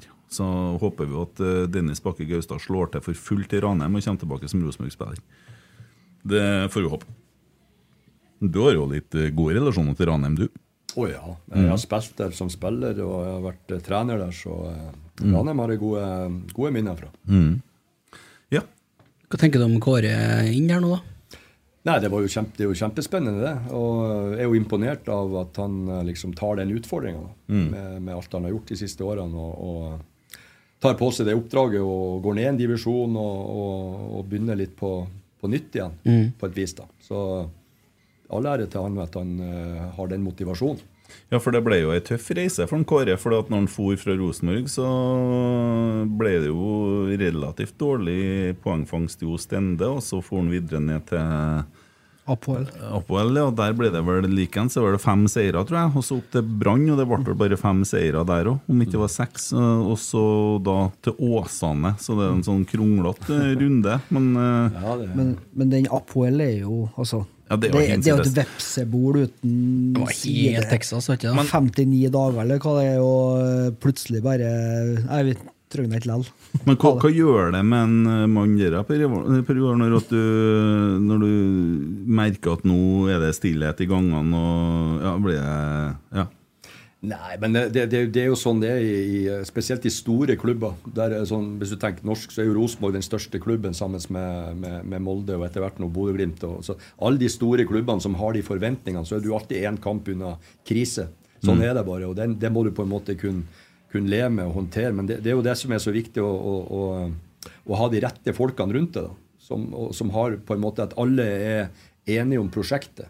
Mm. Og at alle har et eierskap til, til faktisk det du skal gjøre noe i f.eks. i tre år. Hvis prosjektet går i tre år, så må jo alle Hvis vi skal bruke unge gutter, f.eks., så må du jo da må du òg forstå at da blir det ustabilitet, og, og det er svingninger i prestasjoner. Poengfangsten blir ikke så som man kanskje har tenkt, kontra det å ha et galleri med, med etablerte spillere. Og da må jo alle stå bak, da, det, hvis det er det som er strategien. da. Mm. Og det er jo der eh, klubbene sliter med at den, de vingler fryktelig. De starter med at alle er med, og så taper man to-tre kamper, så er man plutselig ikke med lenger. Mm. Det er plutselig helt endringer igjen. Og det er jo det som er litt av galskapen i fotballen, at den er så følelsesstyrt. Og, og da blir det kanskje møter på bakrommet og taushet og lite kommunikasjon. Og det går jo på lederskap og organisasjonskultur som på et hvilket som helst annet bedrift. Mm. Men øh, ja, Og den bilturen hjem til Stjørdal etter du har fått sparken, den er nå uansett like forbanna tung. Ja, men det er jo fortsatt eh, en halvtime, da. Ja. jo, men jeg tenker på den følelsen, det, dere der, og du har det hengende over deg ganske lenge, og så kommer det. Det er jo nesten, ja, det er jo nesten sikkert, det. Altså, Ja da, og så kan du si at, eh, at eh, der syns jo at de kunne hatt Vil de sparke med og Bård, så, så fine, spark oss, da. Men uh, gjør det på en voksen måte, og ikke send en SMS uh, dagen før og møte opp på kontoret og gjem, gjem dere i Fikk du, fikk du møtes? Sto de møtes? Ja. Gjorde det? Ja, akkurat sånn. Nå er den etablert, i hvert fall. Ja. Møtes og Allah nå framover, det blir bra. Ja, det blir bra, ja. Men eh, det syns jeg de burde ha det burde vært med i voksen. og det var, altså At vi får sparken, det, noe, det må jo de bestemme. Det er jo klubbens beslutning ut ifra hva de opplever. Men eh, eh, det, liksom å få en SMS, altså det er jo dagen før, eller på morgenen, liksom. det Jeg har, har forventa meg annet, lederskap, det må jeg lov å si. Jeg har kommet til å gjort det på en annen måte hvis jeg har sparka noen. Mm. Det tror jeg. Har du sparka noen ganger? Ja, det har jeg gjort. Jeg har sparka spillere på- bakgrunn av, eh, av at de ikke har levd opp til, til uh, spilleregler i garderoben, verdier som vi går ut på. Og så, og så det har vært noen eh, tøffe tak. Det har jo vært det opp gjennom årene. Life is full of what ifs. Some awesome, like what if AI could fold your laundry? And some, well, less awesome, like what if you have unexpected medical costs? United Healthcare can help get you covered with Health Protector Guard fixed indemnity insurance plans. They supplement your primary plan to help you manage out of pocket costs. No deductibles, no enrollment periods, and especially no more what ifs. Visit uh1.com to find the Health Protector Guard plan for you. Many of us have those stubborn pounds that seem impossible to lose, no matter how good we eat or how hard we work out. My solution is PlushCare. PlushCare is a leading telehealth provider with doctors who are there for you day and night to partner with you in your weight loss journey. They can prescribe FDA-approved weight loss medications like Wagovi and Zepbound for those who qualify. Plus, they accept most insurance plans. To get started, visit plushcare.com slash weight loss. That's plushcare.com slash weight loss. Hey, it's Paige DeSorbo from Giggly Squad. High quality fashion without the price tag. Say hello to Quince. I'm snagging high-end essentials like cozy cashmere sweaters, sleek leather jackets, fine jewelry, and so much more. With Quince being 50 to 80% less than similar brands. And they partner with factories that prioritize safe, ethical, and responsible manufacturing. I love that. Luxury quality within reach. Go to quince.com slash style to get free shipping and 365 day returns on your next order. Quince.com slash style. Det har vi det. Ja, Du beskriver jo litt eh, samtalene der òg, i forhold til å åpne og lukke spørsmål, det å starte kommunikasjon og ikke krig, egentlig, ja, eh, som jeg leste.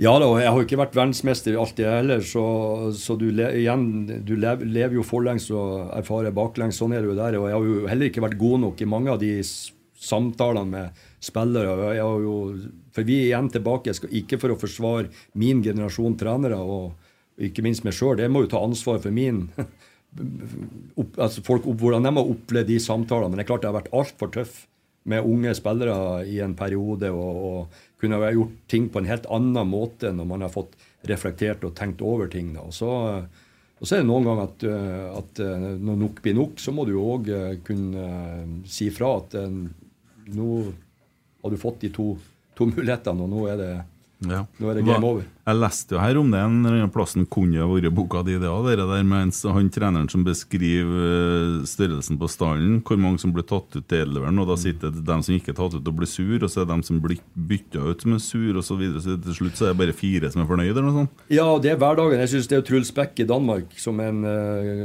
han har vel trent fire-fem superligalag, som hadde en historie en gang han fikk eh, en mikrofon i ansiktet og sa at nå brenner det under setet ditt, at nå får du sparken, og det er misfornøyde spillere. Da sa han jo den, og den er briljant, syns jeg. Han sier at jeg har 22 spillere i troppen.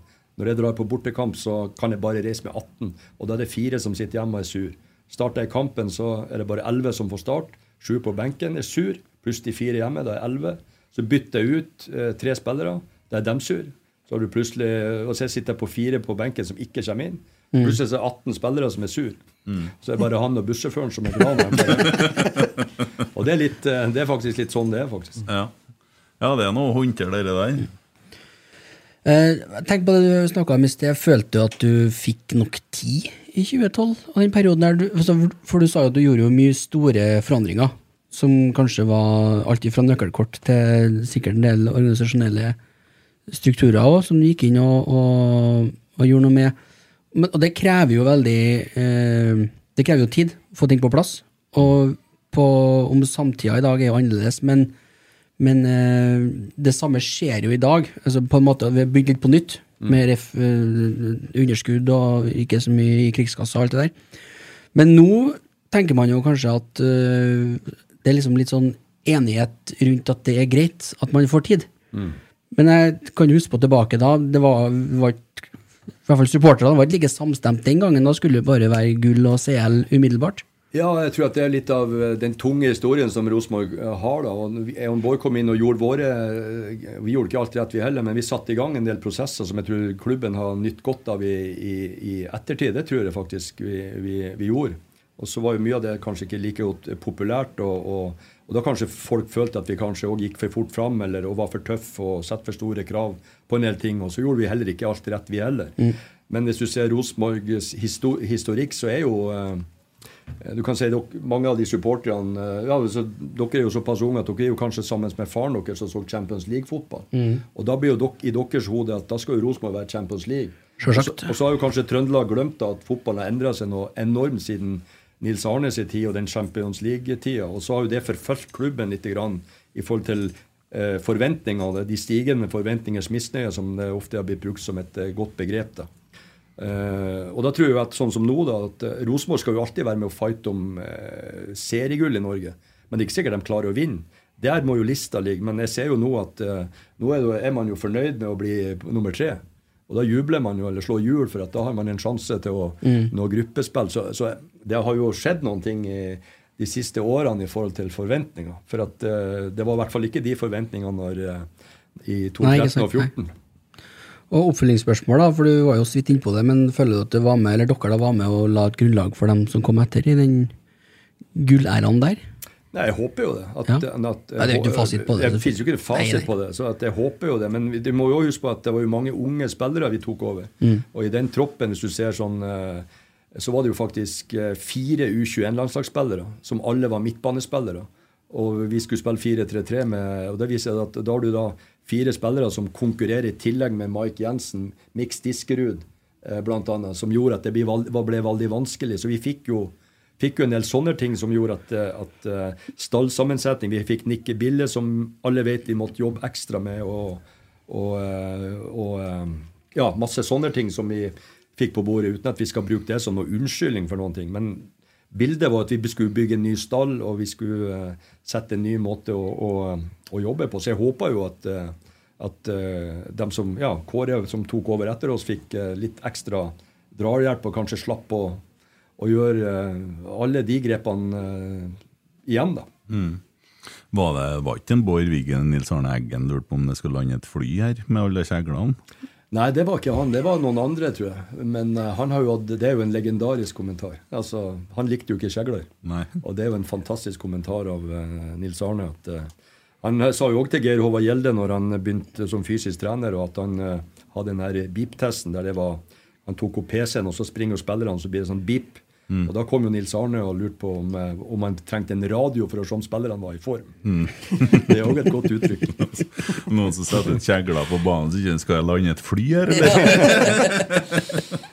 Ja, Ja. så eh, nei, han hadde noen gode Mm, det er bra. Eh, vi har jo fått inn en del spørsmål som eh, guttene sitter med foran seg, her, så kanskje vi skal ta noen lytterspørsmål. Har de på papir i dag? Det er podkastens kunstgress, kan du si. Skal, jeg- skal jeg begynne, Tommy? eller Ja, gjør det. Ja, du gjør det. Gjør Ja. det. Du er så godt i gang her nå. Ja. Er det mye trolling, eller? Nei, litt trolling, jeg vet ikke. Begynner med trollbart, da. jeg, skal ikke, jeg skal ikke snakke så mye om trolling, kanskje. Per Joar, som, Nei, du, ikke i dag. Jeg var det største trollet. Men Ja. jeg hengte ikke opp noen venner. Du var ikke anonym, da. Du var jo et snilt troll, da. Ja, men vi ble jo kompiser. Ja, Ja, ja. ja, men altså, du var jo ikke anonym, da. Nei. Nei. Åpent på Åpent. Messenger. Ja, ja, Ja, ja. ja, ja. Small på. Etter det så jeg gratulerte med dagen. år. På bursdagen. Skal jeg sjekke mens dere begynner å spørre? Ja, nei, eh, Trollbart spør, ja. Uh, vært så vidt innom det, men eh, vi kan jo utdype litt. Uh, her må det stilles spørsmål om den såkalte Sørloth-affæren. Ja, det kan vi godt. Hva vil han vite? Regner med vel det er én incident der, eller uh, oppbygninga til en, kanskje, eller ja, hva som skjedde i kulissene? Ja, det kan vi jo Det er jo ikke noe hemmelighet, eh, hemmelighet det. Og, og eh, det var jo etter Serbia-kampen da vi hadde en, eh, en evaluering av prestasjonen som var rett og slett altfor dårlig. Og, eh, og vi hadde noe eh, gruppearbeid først, og så ble det framlagt eh, i, i plenum. Og så, og så eh, utover, utover avslutningen der, så opplevde jo Og jeg, for å si det, så jeg har jo, jeg har jo kjent eh, Alexander siden var 15-16 år, eller før Ja, den, den tid også. Så, eh, og jeg syns at Alexander er en, en fin fyr og har ingenting imot han i det hele tatt. og syns det er fantastisk artig at han gjør det bra nå igjen da, og får, Mm. får skåre mye mål. Så hvis folk tror at jeg er sur på Alexander Sørloth, at jeg har noe mot han, så er det helt feil.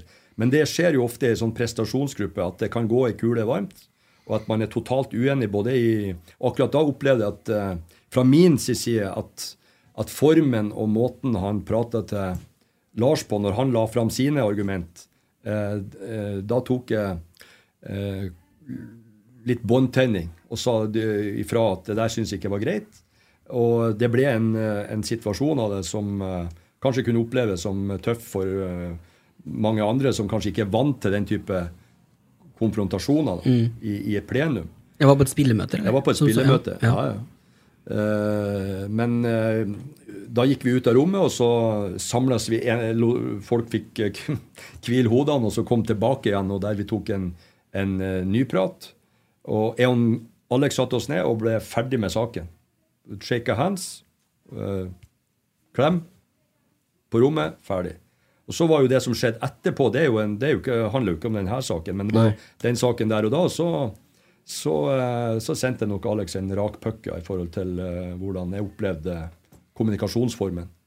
Og eh, så ble det som det ble, men for all del, den saken der er for meg historie, og det håper jeg for Alex òg. Jeg tror det er veldig mange andre som ser på det som et større Det er egentlig dagligdags eh, Ja, ikke sant? saker Det er jo det. Dere i er jo en- på jobb. I en prestasjonsgruppe. Ja. Og hvis ikke sånt skjer i løpet av en uh, periode, så skjer det egentlig for lite av betydning i en sånn prestasjonsgruppe. Mm. Så det, for meg er det egentlig helt vanlig. Men det kom feil ut gjennom at, at eh, sånn som det har blitt i dagens me, eh, medieverden, at kanskje noen snakker med en agent eller noen kompis, og plutselig så er det en, en sak av det som kommer ut i hele Norge. Og det, det, jo det var jo ikke bra. Nei, For det, akkurat det har jo blitt helt ekstremt. Altså, Det erfarer, og det er ditten og datten. ja. Det, det koker jo med en gang. og da eh, De sier jo at de ikke kopierer hverandre, da, så jeg skal jo ikke underbygge det narrativet. For det gjøres et utrolig stort arbeid med vanvittig god kildekritikk, skjønner jeg. Men eh, eh, det er nå engang sånn, og da er det jo helt hinsides all sunn fornuft noen ganger. Nei, altså media jobber jo på den måten, og, og media og jeg, jeg har jo altså Verden er jo helt annerledes i dag med, med, med tilgangen til mobil. og Mobilen har jo blitt på en måte en del av kroppen. Så du er, så Unge spillere i dag er jo på den mobilen hele tida. Og hvis du er kanskje ubetenksom noen gang, så kanskje du sier noe i en samtale som gjør at det blir fanga opp, og så går det videre, og så plutselig så eh, er det en journalist som bare dundrer ut en overskrift for å få en klikk som skaper følelser. Følelser skaper jo ja, emosjoner. Emosjoner igjen skaper eh, en veldig sånn eh, stress for å få en avgjørelse. Og så blir jo det her med at man tar følelsesstyrte avgjørelser. Det er jo en del av det som er bildet. da, og Journalistene jobber jo på, på den måten å skape motsetninger og konflikter. Det er jo det de får klikk av og, og, og salg av. Mm. Ja, det er jo ikke bare journalister som skal klikke. Vanlige folk skal jo klikke, dem òg. De skal skrive en ting på Twitter, så skal Mm. de ha likes, og så skal ja, de ja. ha flere følgere. Så Ja, det. Men eh, du har, altså, opplever vel eh, i forhold til f.eks. adresser De har ikke du snakka noe mye med de siste årene? Nei, jeg har ikke snakka med dem siden 2014, faktisk. Nei. Og det har jo vært et bevisst valg fra min side. Og de har jo kanskje prøvd med flere innganger av ulike journalister, men jeg er ikke interessert i å, å, å prate med dem. For det, jeg opplevde jo fra min side, det er min opplevelse, de får jo ha sin opplevelse, at, eh, at i, i forkant av det som endte at, eh, at Eon Bård fikk sparken, da, så syns jeg at de drev med, med spekulasjoner og kilder og overskrifter som eh, var så langt unna sannheten som overhodet mulig. Da. Mm. Og eh, jeg har jo god samvittighet, det har jeg sagt til dem som regjerte på den tid. Jeg vet ikke om alle er det i dag, det har jeg ingen oversikt over. Men. Så, eh, så det er nå mitt ståsted og min, mitt mitt valg. da. Jeg, eh, eh, spørsmålene er jo frie, men du velger sjøl om du vil svare på det. Mm. Ja. ja, og har jo på en måte ser jo Du uttaler jo ganske krast i forhold til journalister og forhold til eh, ting i boka òg. Ganske tydelig, og du har på en måte ikke eh, smiska så mye med media, da. Det kan Nei, jeg si. det har jeg ikke gjort. Det Det har- kommer jeg aldri til å gjøre, heller. For jeg, er ikke, jeg er ikke opptatt av å gå rundt og være populær. Men jeg er opptatt av å være respektert, og, at det som jeg sier, er sant. At det ikke blir vridd på og brukt på en annen måte enn det jeg sier det på. Når jeg opplever at journalister som du er, må eksempel, Du er jo nødt til å forholde deg til dem Mm. som trener på det her nivået. Men eh, så lenge de går over ei grense og lyver eller finner eh, Erfarer, som du sier, eller bruker og insinuere ting, mm. så, så, så bare setter jeg ned foten. For sånt- syns jeg er ugreit, helt enkelt. Mm. Jeg forstår. Vi har fått et uh, spørsmål fra Håvard. Uh, det blir jo litt tilbake til uh, Litt lenger tilbake, da. Det er jo hvordan greier ut om livet som spillende trener for IL Varden i tredje div. Hvem var de største talentene på laget? Hvis jeg skal bruke talentbegrepet om eh, Varden, så vet jeg ikke om da, da må vi holde på lenge, tror jeg. Nei, men det var jo den første, første trenerjobben der jeg liksom skulle teste og stå på egne bein. Og, og, og det var jo en fantastisk tid i, i Meråker, bl.a. Med, med det første coachingspørsmålet og, og om jeg skulle få lov å dra på fest eller ikke. og og, eh, nei, men altså En, en, en tredjedivisjonsgarderobe er jo like Det er jo de samme folkene som sitter i en sånn garderobe som i Rosenborg-garderoben. og Samme preferansene og samme mennesketypene. og Det var en veldig eh, fin, fin skole å gå. At du fikk testa ut ideene dine både på banen og, og, og i garderoben. Og lederskap og spillestil og alt som du må ut og erfare sjøl. Var det noen eh, navn i den garderoben som tok steget lenger opp i divisjonene etter Altså mens du var der, eller etter du var der? Han eh, Roar Husby, faktisk, han eh, som, eh, som satt i framsetet og, og mente at de ikke skulle dra på uh, russedåp, han var jo i Rosenborg som Mm. tredjekeeper, annet. Han har vært i Ålesund som tredjekeeper og ja, fikk jo oppleve litt rundt uh, toppfotballen før han eh, kom til fornuft og ble revisor. Mm. Ja, for Han satt litt langt ut på benken når han er tredjekeeper. Ja da, han gjorde det, men han var en veldig fin fyr å ha i, i gruppa. Gjorde en veldig god jobb på, på trening. og Det, det visste jo om at det var rollen hans. og Han fikk jo han fikk et par sesonger i, i toppfotballen. på- Fikk sett mye kamper. Ja, det gjorde han. det gjorde han. Jeg tenkte på det i stad, eh, hvis eh, Sørloth har skjønt hva du holdt på med på Oppdal den gangen, så hadde du ikke turt å snakke. Det har han ikke tort seg. Nei, men det er, jo litt, det er jo litt artig. Det sa jo til både Markus Henriksen og Ole Selnes og Alexander når jeg hadde dem på landslaget, at nå har jeg krangla med fedrene deres i, for 20 år siden, nå skal de jo krangle med dere. Så vi hadde jo litt moro av det òg. Det, det er jo sånn det må være. Så Nei, altså, og det var jo sånn med Ole og med han som spiller. Han var ikke noe glad i meg, han heller, på, når jeg var trener her. Og vi møttes på landslaget. Og da, må du, gjøre, du må jo bli ferdig med sånne ting. Det er jo, kan ikke gå rundt og ha nag til folk eller eh, altså, du, Det er jo der og da. Fotball er jo her og nå. Så må du bli ferdig med det, og så må du gå videre. Så jeg har et supert forhold til, til, til både Ole og Så eh, Alex kanskje må bruke litt mer tid til kanskje, jeg vet ikke. Etter denne praten her så skjønner han at jeg ikke er sur på ham. Ja, ja, ja, håper det. Vi får, vi får bringe beskjeden videre. Ja da, det må vi få til. Nei da, jeg var besøkte Alex i Tyrkia blant annet, og der var han jo i Trabzonspor en konge av dimensjoner. og det var jo helt vilt. Eh, og så er jo tilbake, det er jo tilfeldig det, og så får han ikke sjansen. Og igjen tilbake til tid og stress og det presset. Så havner han i Sociedad, og så kommer han til rett klubb, rett tilfelle. Så for hans del nå så håper jeg jo faktisk at han, han blir her nå, for det er en veldig fin klubb. Du, du beskrev vel også litt grann, eh, hvor det var. Du var. Var det i Valencia det var? Uh, Dæven, hva jeg husker Ja, du husker godt. Ja, godt eh, og hvordan de har bygd ting rundt ungdomsakademiet der. Uh, liten name-drop der. for Marius Dahl skrev jo nettopp en sak om en eh, spiller som er der nå, en trønder som er der, der han beskriver litt hverdagen. og Det kjente jeg jo igjen i det du fortalte òg. Det er jo helt hinsides hvor de satser, når du ser på hvordan det jobbes i Europa. Helt vilt. Ja. De er kanskje bedre på akademi enn å styre uh, selve hovedklubben, da. For Det der er det kaos uten Det Der er det mye hvite tørkle på tribunene. Ja, men er det Hvordan var det? Det er altså De eh, bor på en sånn eh, plass der de skal være hele tida. Eh, De har utdannelse, det er masse masse folk som jobber med dem. Det var utrolig mange ansatte der. Resort. Nei, når jeg var der, så var det vel 80 trenere i ungdomsavdelingen som jobba med det akademiet. Ja. Og, og eh, fem trenerutviklere som laga treningene til trenerne som skulle gjennomføre det igjen til uh, de ulike lagene fra sju år og oppover til uh, uh, U21-laget. Mm. Og de bodde på internat, kommer fra hele verden. Uh, kanskje hjemme én til to ganger i året. Vil helst ikke at foreldrene skal komme på besøk for ofte, for da kan de få hjemlengsel. Så det er jo deres modell. Man kan like det eller ikke like det. De eh, drar inn tidlig for å bli profesjonelle mm. fotballspillere. Veldig få lykkes.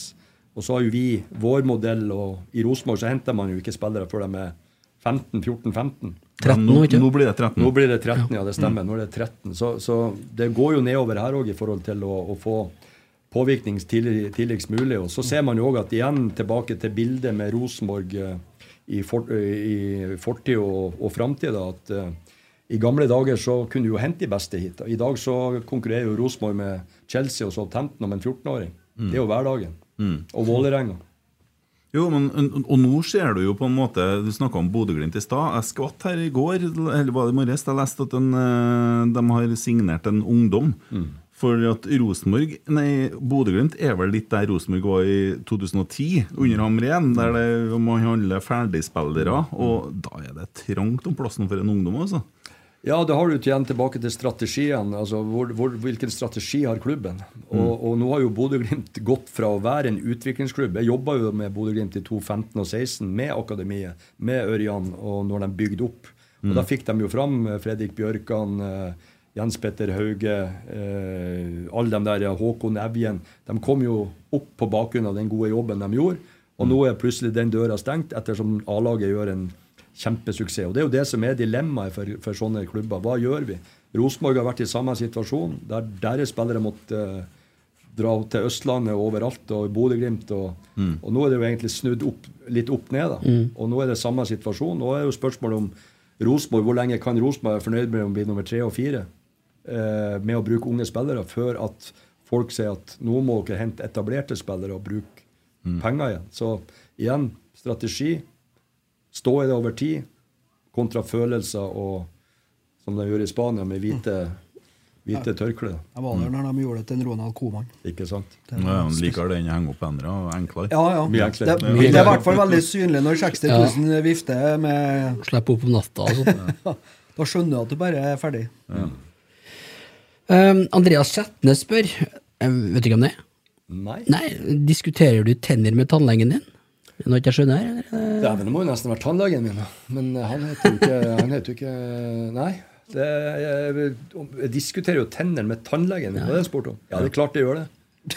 Det Ja, selvsagt, ja. Det er det klart han gjør det. Han viser jo med når han eh, tar de bildene. Han er jo så- interessert, så- ja, ja. Det der må være fra noe du har sagt en gang, sikkert. det kan være. Ja. Det kan Okay. Men han spør også uh, hvem er den beste spilleren du har trent i et klubblag? Det er et godt spørsmål. Det er faktisk et kjempespørsmål. Og så blir jeg litt sånn, Det er kanskje et kjedelig svar, men eh, det blir jo litt sånn at, at på et lag så har du jo ulike roller. da, så er det veldig sånn, du, du, De har ulike oppgaver. så det blir, Jeg syns det blir litt sånn urettferdig å plukke ut en enkeltspiller, syns jeg. Mm. De har ulike egenskaper. Og, så jeg vil eh, Kjedelig, men eh, jeg har vært privilegert å fått trent veldig mange gode spillere. Det er ingen tvil om. Men jeg kan liksom ikke plukke fram én pga. at det er et lag. Men eh, jeg vet, du henta Riku Riski. Ja, det gjorde vi. Ja. Er det noen andre du husker som du tok opp fra akademiet, eller som du henta til Rosenborg, f.eks.? Nei, når jeg kom, så var det jo veldig mange som var, var ferdig, ferdighenta, egentlig. Uh, det var jo en, eh, en situasjon der vi henta de tre danskene, for det var det Mm. vi hadde penger til. Ja, Det henta Mike Jensen. Mike Jensen. Det var en Bård Ja. Wiggen som skal ha æren for at han ble henta. For at han vil de jo egentlig ikke ha, men det sa han Mm. Bård at han har sett i 40 kamper, han er mer enn god nok. Mm. Uh, så hentet vi Nikki Bille, og så hentet vi Tobias Mikkelsen, Mm. som fikk veldig mye kritikk. Men der igjen skulle jeg ha vist dere noen klipp fra den tida at folk klaga på han, at han, eh, at han bare bare for å sprang i offside. Men gud hjelpe meg hvor mange ganger han stakk inn bak og ikke fikk banen. Så det var ikke Mm. bare hans feil. Jeg så, så jo når en, eh, Selnes løste uh, denne Mm. problematikken der etter hvert at eh, Ja, han hadde jo en del fantastiske løp og pasninger i bakrom som det ble skåring av etter hvert. Ja, jeg husker jeg irriterte meg mye over han, men eh, så ser jeg videoer nå, og så ser jeg bl.a. mot europeisk motstander, han gjør en del fine mål. Bucuresti. Ja. Men Riku Riske han, er liksom, han har gått litt sånn under radaren, men dæven, han skåra mye mål for Rosenborg. Ja, han gjorde en god jobb for Rosenborg, og det var jo en, eh, en spiller som var veldig nyttig ettersom han kunne spille på flere posisjoner. da. Han var hurtig, han var en sånn jeg vil si en sånn klassisk Rosenborg-ving. da, eller Han kunne også spille eh, en offensiv midtbane bak spissen. og, og Hvis vi trengte en bakromspiss, så kunne han spille der òg. Så han var veldig anvendelig. To spørsmål her, da. Henning Oi, skal vi se her, da. Kom bort til mikrofonen. Ja. Hører du meg nå? Eh, samme kategori. Henning Bottenvik spør eh, Unnskyld, Dan Oskar eh, Narkorød spør først. Hvorfor er 'opp på hesten' igjen hans favorittuttrykk? Og så spør Henning hvor ofte skal man prøve å komme seg opp på hesten før man bør gi seg? Godt spørsmål. Man kan jo aldri gi seg, da. Men uh, nei, opp på hesten er jo et altså en slitt bruk. Det er jo mange som bruker opp på hesten. Det er jo ikke jeg som eh, bare bruker det, men eh, det var kanskje noen som eh, mente at jeg brukte det for ofte. Ja, kanskje. Jeg vet ikke. Jo, jeg tror nok Jeg husker at noen brukte- syns det er mange som har brukt det, men ikke alle som har gjort det kjent. Nei, nei, men da, da, da, det er jo ikke jeg som har Det er i hvert fall ikke mitt uttrykk, men jeg stjålet det fra noen. Ja. Nei, Jeg legger merke til Opp på hesten Uh, har gått igjen en del ganger i forbindelse med navnet ditt, så det er sikkert noe du har snakka om Ja, etter kamper. Ja, ja, sikkert nok. sånn, uh, Sikkert nok. ja. Mm. Uh, Steinar Sjøli, tidligere keeper. Ja, Steinar. Han eh, spør Perry om han husker åpne lukkefinter. Det husker jeg. Steinar Sjøli var en gigant i mål for Byåsen. Jeg trent Byåsen. Det var jo òg et samarbeid med Rosenborg, faktisk. Det var den første farmerklubben i Trøndelag. Ja, ja. Så det, det var en veldig spennende prosjekt. Nei, Steinar Sjøli var en fantastisk keeper. Og så hadde han en sånn finte der han liksom Han åpna et hjørne, og så var han kjapt tilbake og lukka det like etter. Så han lurte lurt de her eh, spissene da, til å, Mm. til å skyte i det hjørnet han forlatte, og så var han der med en gang. Og, så det var en genial eh, Han gjorde det ganske bra i Fredrikstad. ja, han gjorde en eh, Og jeg husker faktisk en kamp Da var jeg trener i og var 2-5. Da sto- Det var Fredrikstad-Rosenborg. Jeg tror vi hadde 18-1 i målsjanser. Steinar Sjølhus står i mål. Og Lars Blix, eks Rosenborg, skåret på straffe, og Fredrikstad vant 1-0. Nei, for det var på Leirikendal han fikk ti tid på børsen. Ja, det var det. det, var Ja, det. Ja, Han, han var en utrolig god keeper. ja. Nei, Jeg leste meg opp litt. Jeg måtte inn og sjekke det med Ja, ja. For jeg huska, jeg huska at jeg hadde sett navnet, men ja. han var Jeg husker han var Kan god. jeg ta en sånn liten eh, poddrop der, da. For jeg ble kjent med en Steinar for noen uker siden, og han var med i den bortekamppodden. Og en fantastisk historie. Og eh, han jobber jo for gatelaget i Eller flere gatelag, da, eh, som du gir overskuddet fra boka di til. Så har vi fått droppa den boka litt òg. Ja. Drikker du Pepsi Max, eller? Jeg gjør det, ja. Et du noe på Esedals pub og kjøkken, da? Ja, det gjør jeg jo. Ja, det er en stund siden sist nå. Å ja, du kjører den, ja? Ja, ja, ja. ja, ja. Gått ned åtte centimeter, vet du. Ja, ja, ja. Ser bra, bra gått ut. inn. Gått inn, ja. Gått inn, ja. Du har ikke vært på kjøkken? Det siste? Jeg blir ikke tjukk av å spise kjøtt. Nei, blir ikke det. Entrecôteng spesielt, eller? Det er bare fint, det. Ja. Protein, vet du. Eh, har du vært der, eh, Berry? Nei, det har jeg faktisk ikke. Jeg har vært dårlig på å bruke Trondheim. Jeg, jeg har jo, jeg har jo farta så mye, vet du. Så jeg har bodd på Stjørdal, og så har jeg, har jo jobba i Oslo, i Sverige. Altså, jeg har liksom aldri brukt Trondheim noe spesielt. Nei. Kan jo nesten ikke en uteplass lenger. Baron og Baronessen er siste plassen jeg var på. Ja, ja. Ja, det er jo, en stund siden, kan du si. Fra Bajasso-tida. Og Bajasso, husker jeg. Ja, Da hadde du hockeysveis, Ja, hockeysveis. Og, Og og, liten bart, da. Ja, liten bart hadde vi. Alle, alle hadde bart. Steike, du var livsfarlig en gang. Helt livsfarlig. Og så singel. Ja, jo, jeg, jeg, ble, jeg var det i starten, men så fant jeg Inga Lill fra Sverige på Baron og Baronessen. Du gjorde det, ja? Oh, ja, skjønte det, ja. Selvfølgelig. Ja, ja, ja. Selvfølgelig. Ja, derfor du ikke Sverige, du. Ja, ja. Og dæken, sier du det? ja, Ja. sånn er det. Ja, for du har drevet og reist litt over grensa. Du har trena Østersund, du har trena Sundsvall, og så Mm. var det en tur oppe i Nord-Sverige og spilt litt fotball. Ja, jeg kom, eh, når jeg sl- slutta i Rosenborg i 89, da, så stakk jeg til Umeå sammen med Inga Lille at hun hadde slekt der oppe. Så jeg studerte der i to år og spilte for Umeå FC i to år. Og så har jeg trent GIF Sundsvall to ganger, og så har jeg en liten sesjon i Østersund på tre måneder i i 2021, på slutten av pandemien. Ja. For det var det eneste jeg ikke har gjort, det å tatt over et lag i eh, midtveis i en sesong, så da fikk jeg gjøre det òg. ja, akkurat. Hva gjør du i dag, egentlig? I dag jobber jeg som ledercoach i If Forsikring Norge og Sverige. Ja. Så jeg jobber med lederutvikling på, for ledergrupper og ledere i eh, If. ja. Er det, er det et blivende sted for en uh, hovedtrener? Ja, det har vært faktisk veldig, veldig spennende. Du kommer jo inn i en eh, For jeg har liksom opplevd at når jeg har gjort privilegert og fått gjort så mye som jeg har gjort, da, så, så har jeg òg følt at de oppdragene som jeg har fått spørsmål om, så tenkte jeg at det der har jeg egentlig gjort før. Skal jeg liksom gå tilbake og gjøre det der en gang til? Og ja, med de forutsetningene, hvis jeg ikke opplever at kanskje tilbake til strategien er i forhold til hva jeg tenker rundt det, og økonomien i forhold til å ha mulighet til å bygge noe, og ikke minst prosjektet, at det er utydelig, så, så, så følte jeg jo at eh, da hadde jeg heller lyst til å kanskje prøve å se om jeg kunne gjøre noe annet. Så det blir jo litt sånn samme å ha Jeg har jo 20 ledere blant annet som, som kan bruke, eller de bruker meg når de vil, og det blir jo på en måte spillerne mine. Og Ja, ja. på en måte se utvikling og se hva de lykkes med, og hva de trenger hjelp til. Og, så det, du jobber jo med folk, da. Mm. Kanskje noen av dem hører på nå òg, Vi har noen, eh, vi har noen supportere, eh, Ja. Rosenborg-supportere. det har vi. kan ikke du ha det litt artig med NM i morgen, så sender du en melding, så skal du møtes? Da tror jeg jeg får kalde føtter. Men uh, heldigvis så har jeg ikke det mandatet og myndighet nei, Nei, nei, å sende. Men, uh, Nei, men den er god, da. Den er Vi god, bruker den. å skrive til den. Ja da, ja, ja, gjør det. Så da, det kan da blir en redd, vet du. Da blir en redd. Ja. Da blir en skremt.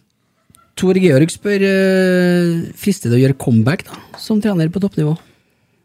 Nei, altså, det, hvis, det, hvis det er en rett prosjekt med, re, med rett forutsetninger, der jeg kjenner at faen, det her, er, det her kunne jeg hatt lyst til å gjort artig. Det her virker artig. Bra folk som er med på prosjektet. Folk jeg stoler på, som jeg vet vil uh, være der og gå i krigen, både i medgang og motgang og til gode forutsetninger. Så skal jeg jo aldri si aldri. Men uh, som jeg nettopp svarte på, så har jeg liksom uh, vært så privilegert å få gjort så mye at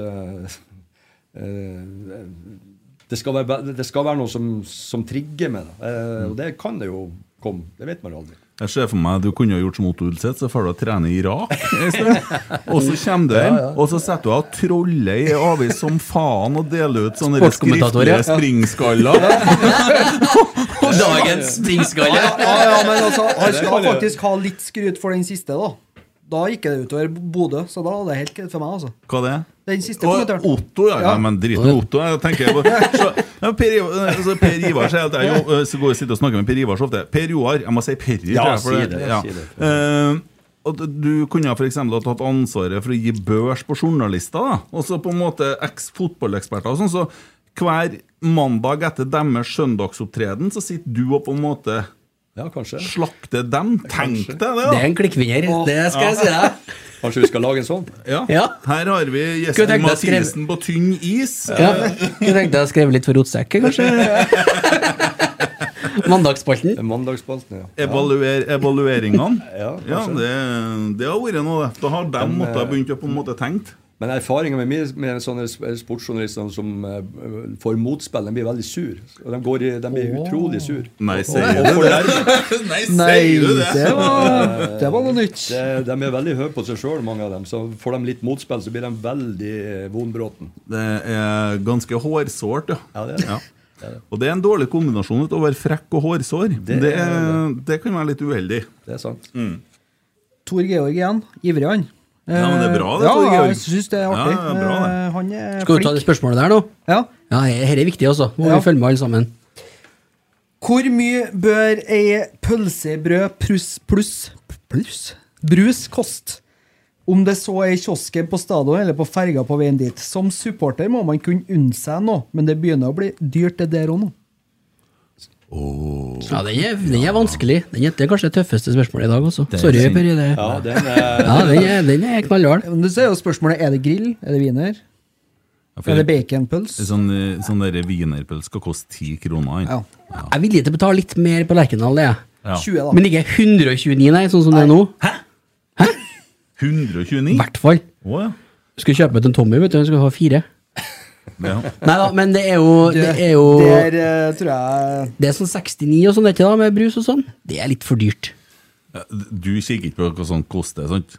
Du kjøper det du har tenkt. pølse. Han er jo direktør i IF, det er ikke problemet. Jeg da. kjøper pølse, det, da kjøper jeg pølse. Har du vel noen fallskjermer fra NFF ja, Ja, ja, ja, ja. De er oppbrukt. Ja, det er det. Ja, ja, ja. Jeg så for meg det var midt i svevet ennå. Har ikke slått ut, dratt ut ennå. Har ikke hatt i snora engang. Den er så nå er oppbrukt, ja. Det var ikke så kjekt når han som han var forlover til startet i NFF. Da fant han noe papir. Ja, ja, nei, men det må jo være kjekt. Du skulle ha holdt på med det der du, skulle ha sittet på NFF og forklart dem hvorfor de skal ha kunsten i eh, naturgress. Kanskje det. Kanskje ja. det skal vi gjøre. Ja. ja, bra. Vi må lande på noe her, da. Nei, herregud. Det er viktig, det er viktigere. Ja, Da svarer jeg mindre. Mindre, ja. Ja. Altså, 29. Ja, 04 brus og wiener. Ok. jeg er enig. 29. Ja. Åpen butikk, du. Det blir bra. Kanskje skal gjøre det? Ja. Go to, Ja. go from. ja. Eh, spørsmål til oss, da. Øyvind Kolsås. Kanskje spørsmål til en Stian Morsund, egentlig. ja. Blir den nye drakten helt ny, eller noe Allah! 2022-versjon. Enda en bra podkast, by the way. Eh, Vi var, for vi var så vidt innom det forrige gang. Jeg er helt sikker på at vi får se en drakt uh, som uh, ser ut som den som har noe grønt i seg. Som Hvit Tornado på Twitter har drevet oss og jakta en del sånne ting. Men det er vel tredjedrakt. Mest sannsynlig. Eller kanskje bortedrakt. Ja, kanskje det. Men uh, hjemmedrakten er ingen formening. Det er derfor vi gleder oss sånn til å dra på avsparksfest. Ja. Oi. Og du skulle jeg huske datoen Du skulle huske på datoen nå, ja. Ja, Men det gjør ikke jeg. Det står frampå skjermen der innimellom. da 24. mars, da? Ja, noe den gata. 25. Ja, søk på rosenborg.no. Har du vært på noen sånn avsparksfester noen gang utenfor trenerjobb, liksom? Aldri. Nei? Men du liker litt eh, sånn uh, trøndermusikk og sånn? Ja ja, herregud, Ja. vi har jo vokst opp med det, så det er klart vi Ja, for her er muligheten for litt springskaller. Og, bare å holde munnen da, tror jeg. Han er jo født i Namsos. Musikkens Ja, ja, vugge. musikkens vugge. ja, ja, ja, han er det. Ja, visst. Ja. Det stemmer. og Derfor har jeg notert det første navnet, for du hadde skrevet på han eh, Øverås. For at det er noe Øverås i Namsos også. Så Ja, ja, ja. jeg trodde jeg hadde en link der. Ja, men, ja, ja. ja. Jeg skrev til dem den krasse meldinga til deg. Det var ikke noe forskjell på Mosjøen og Namsos. Det Trofors og Namsos og Rørvik. nei, nei. Nei. Olai Årdal, eller Olai Årdal, jeg tror han snakker sånn egentlig. ikke? Han er fra Sogndal. Ja. Ja. Hvorfor mener han at Jesper Mathisen er Europas dårligste ekspert? Da sitter han jo sikkert i den episoden og har vært litt innpå Ja, men jo vært eh, Jeg tror ikke han Jesper må få noe mer nå. Så Nå har han, fått, han har jo fått nok. Mener du at den er noe Jeg, jeg har vel aldri sagt at han var Europas dårligste, men han var vel kanskje en av dem. Jeg har ikke sagt at han var den dårligste, men Nei. et par av dem så er, er jo det. Jeg begynner å skjønne hva du og Kjetil har felles. Og det går jo på, det går jo på som jeg har sagt før, det med lettvint. Lite respekt for faget. Enkle løsninger. Dårlige analyser. eh, Enkle analyser uten å gå bak uh, resultatene, for det har de ikke evne til. For de har aldri vært trener sjøl. Og det er mitt stort ankepunkt når du skal være ekspert. Hvis du er ekspert f.eks. på saker og ting, så er du jo på en måte pga. at du kan faget. Og hvis du er fotballekspert, så kan jo hvem som helst kanskje det. Ja, vi hadde jo en eh, artig sekvens her vi fikk kommentere to kamper for Nidaros. eh, fått en tilbakemelding på at jeg kanskje bantes litt mye, så det må jeg, det må jeg legge av du meg. skjerpe deg. Ja, men, det, men det eh, er supporter Det er ja. Supporter Nei, det er ikke noe men. Vi kan ikke gjøre det. Eh, men vi gjorde det med supporterøya. Altså, ja, du kommenterer en altså, eh, Vi sa vel det òg. Kampen er i farger, men kommenteringa er i sort-hvitt. Ja, ja, det er bra. Og det, det er litt artig da, vet du, når du kan gjøre en sånn lokal variant, fordi at du får på en måte det der supporterfølelsene i kommentatoren. Og da har ikke du det ekspertgreia, men du har på en måte den fortvilelser og gleden og alt det der. Uh, jeg tror kanskje det er et sånt smart konsept, egentlig. Men var ikke det som var litt av konseptet back in the days når både en Petter Rasmus og eh, Kim Ruud holdt på? da Ja. De, de kommenterte Det var hjemmekommentatorer. Ja. ja. De brød seg jo ikke så veldig mye om eh, motstanderne. Nei? Og det er jo litt av den der kanskje vi ønsker å få igjen. Men da det skjedde jo noe, vet du, for jeg husker en gang Rosenborg skåra mål. Jeg så på TV2, Yes. og så sier sier kommentatoren Nei, nei, nei! sa han. Fordi at det ble gjort en feil i Forsvaret. For det er jo ofte sånn at når du skal skåre et mål, så må motstanderen gjøre en feil en plass, og så fokuserte de på feilen. Og da hadde det forflytta seg tilbake til så Arne Skeie, når han kommenterte, han hylla jo eh, fotballen og den gode prestasjonen det var å bryte ned det forsvaret. Men så begynte man etter hvert å kommentere feilene på dem som ble nedbrutt, kan du si. Og da, da er det der ekspertnivået kommer. Og jeg ønsker meg at det snur litt til den andre sida igjen. For det er jo en prestasjon. Du skal jo bryte ned motstanderen. Nei, Hørtes men jeg, jeg, jeg, jeg savner det her med å kunne se årsak og virkning på ting. Da. At de faktisk eh, har uh, hodet til å se. Ja. Ikke bare, bare, bare, bare hive ut et eller annet uten å skjønne Da hva skal du styre, skal du styre unna rotsekkommenteringa. Det er ikke så mye årsak. Og Det det er ingen er, årsak og det ingen er virkning. rett, rett på følelse. Rett på Ja, følelse. ja, ja, men det er artig, det. Ja. Ja, fortsett med det. Hvorfor ikke? Du, Vi skal litt tilbake i tid. her. Davy Vatne spør. Hvor mange meter offside mener han selv han var på 3-0-målet mot Brann på Gullbergaune? Årstall vet ikke jeg, men eh, Det har han holdt på med i, siden 1984. En sånn, Gir seg ikke. Han ikke. Påstår fortsatt det. Men jeg sier at det var onside. Det er svaret mitt. det svarer nok det. Ja. Det var fordelen den gangen at det ble ikke filma. Det ble heller ikke uh, både det og festene på 80- og 90-tallet var ikke mobil, kamera på mobil. Det tror jeg vi skal være glad for. Det tror jeg vi skal være. For det ble noen fester under Nils Arne og det gjengen der òg. Ja, ja. Det var en, eh, vi var ute et par ganger i uka, husker jeg. Ja. Det var helt vilt en periode. og eh, det var jo ingen som eh, hadde noe fokus på, på det da. Det var bare sånn det var. Ja. Og vi var jo den generasjonen vi var. Altså det var men vi passer jo på selvfølgelig aldri før dagen før kamp og sånne ting. Men at det var, kunne være både søndag og onsdag. Det kunne fort være. Men da kunne du jo sitte sammen med journalistene oh, ja. etter kampene, og sånne ting, og det var oh, ja. kameratskap. Og så leste de ting som de utelot å skrive, og så Ja. Ja. Det var Det var en eh, professional silence. ja. Det var det som gjaldt. Og et håndslag var et håndslag. Jeg likte den tida pga. den uh, måten å omgås. I dag går går det jo ikke. Nei. Og verden har jo selvsagt endra seg, men Mm. da var det noe, det var nå den tida det var. ja, ja, ja. Men det husker jeg jo om Kim Ruud sa når han var gjest òg. Det vi spurt liksom om han hadde noe som ikke kunne komme fram i lyset. Og det var, og det var ikke noe lang betenkningstid. Han, og det, men det er jo den respekten man hadde da Mm. Når man var med rundt i Europa og fikk være med på mye av det der. ja. Skal vi opp på hesten igjen? Flere spørsmål? To i år igjen. yes. ja. Hva er ditt stolteste øyeblikk som fotballtrener? Hva skal det være, da?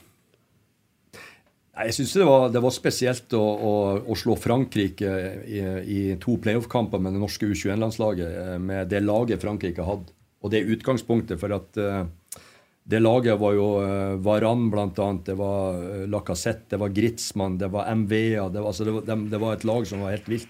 Står seg den. Og de slo vi 5-3 i, i Drammen gikk videre 5-4 eh, sammenlagt. Så det var nok veldig spesielt. Og, og så var det litt sånn spesielt med en sånn gjeng med unge gutter som har liksom har vært med eh, altså du, du, du, du følte den gleden og det at de betydde noe for hverandre. Og for liksom være med på den reisen var ekstrem. For at jeg husker første halvåret så, tapte vi vel nesten alle kampene.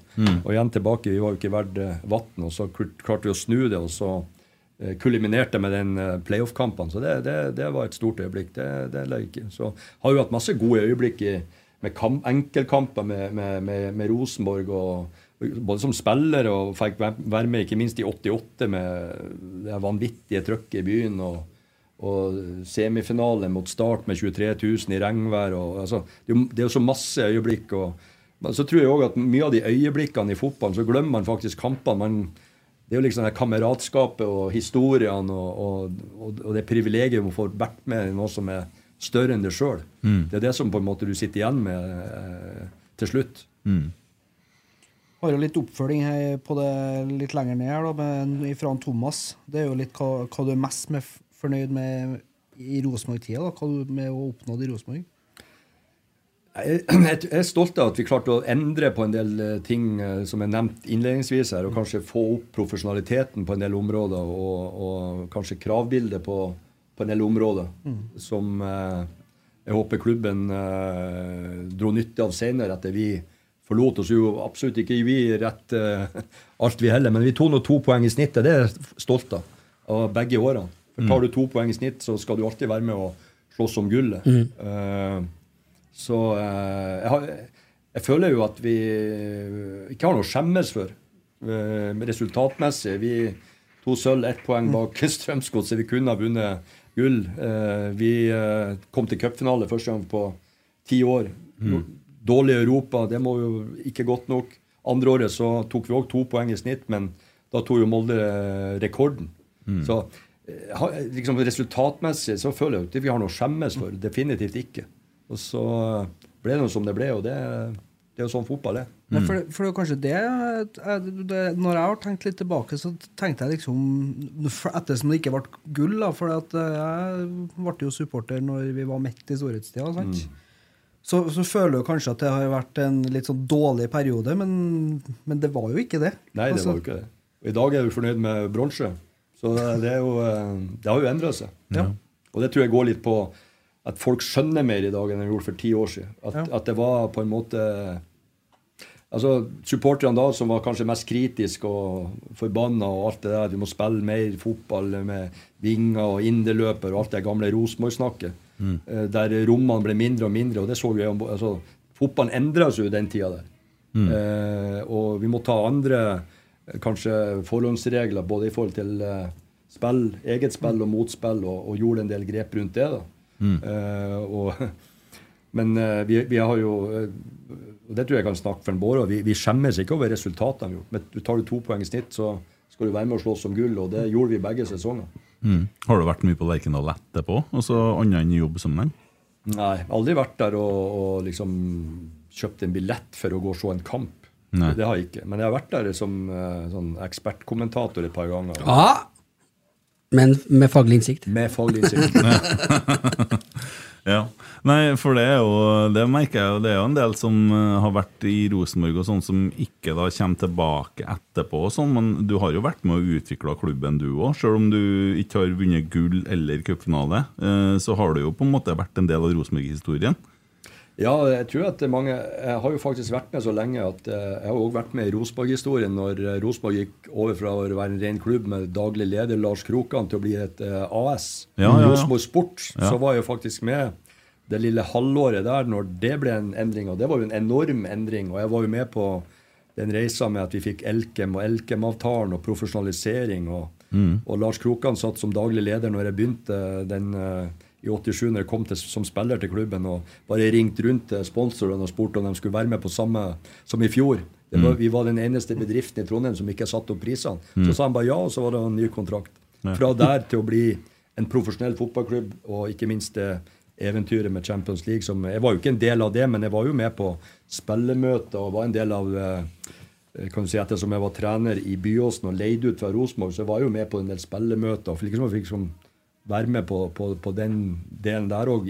Ikke som trener og spiller, men som en del av Mm. på en måte som jeg lærte mye av. da. Ja, Og så har du reist mye rundt omkring og tatt eh, kurs. Du har vært, så det, Jeg vet ikke hvor mange lag og land du har besøkt og plukka opp ting fra, men det er jo helt utrolig hvor mange plasser du har vært. Ja, Når jeg ser tilbake på det, så er det jo ganske vilt at jeg har vært så mange plasser som jeg har vært, og, og sett så mye som jeg har sett. Så jeg er jo igjen tilbake. Jeg er veldig privilegert og, og er veldig glad for, for det jeg har fått opplevd. Og, og, eh, Mm. eh, ja, Ordentlig glad for det. Ja, Det virker som det er mye solide vennskap òg, i England og all over. egentlig. Ja, ja. ja, ja. Så jeg har jo, eh, jeg har jo månedlig kontakt med head of coaching i Manchester City, og får vel siste input fra den beste klubben i verden, kanskje. Mm. Og eh, Stuart Pease har jo hatt eh, god kontakt med gjennom mange år, og gjennom U21 vi møtte oss som trener og har vært og besøkt han. og så Nei, jeg har vært eh, heldig og fått knytta vennskap eh, på, på tvers av landegrenser og fått input fra ulike hold og kanter. og Det, det er jeg litt glad for òg, så jeg ikke bare har vært her i Trøndelag. Mm. Ja, ja, ja. Det er en fordel at du bor på Stjørdal, tenker jeg. Nært Værnes. Nært Værnes, ja. Det har vært en fordel. Det har Ja. vært. Ja. Skal vi ta et siste spørsmål, eller? På spørsmålsfronten, altså. Det er fra Marius Helga. Hvem er Trofors største fotballeksport? Han sjøl eller Marcus og Martinus som har dratt til Mosjøen og rykka opp? Jeg kjenner jo Marcus og Martinus. Det er to supre gutter. Og faren kjenner jo òg godt, og så eh, jeg vil si dem. Det er de, Rett og slett, ja. Rett og slett. Ja. Det er ingen, eh, ingen, over, er ingen over dem. Supre gutter og gode representanter. Hvordan tror du Mosjøen kommer til å gjøre det i årets tredjediv, da? Følger med der, og du? Ja, det skal jeg ikke ta.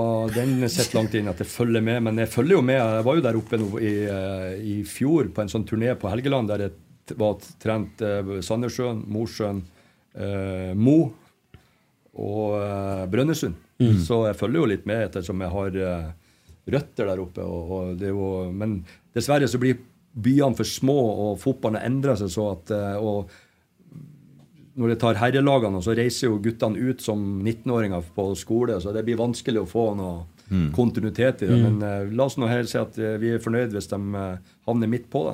Ja. Mm. Ja, men det er bra. Eh, det som skjer i Rosenborg nå, da, det følger du med gjennom media og sånne ting, da, forstår jeg. Eh, Roar Vikvang har jo kommet inn som sportslig koordinator. Vi er jo fusjonert med Rosenborg eh, A-lag kvinner, og det kommer jo et akademi der, og ja. Mm. Tanker rundt alt det der?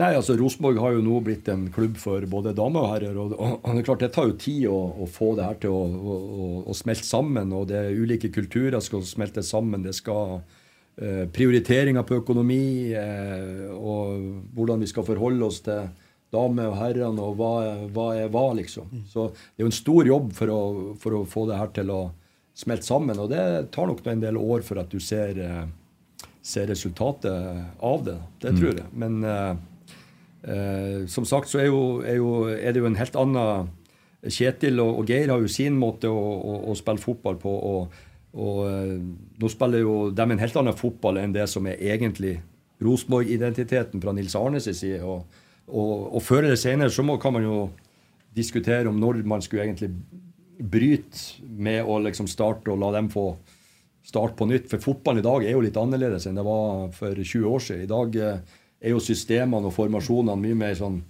ja, rullerende. altså Du kan jo skifte i kamper fra 4-3-3 til 3-5-2, og så er det mange som mener at uh, du skal holde på en stil, og noen andre vil uh, være et lag som kan endre underveis, etc. Så det, det fins jo liksom ingen fasit på, på, på fotball. Det gjør det ikke. Så eh, nå er det bestemt at uh, de spiller 3-5-2. og det er langt unna det som Rosenborgs identitet var i, i starten. Det tror jeg jo alle var enige om. Men Mm.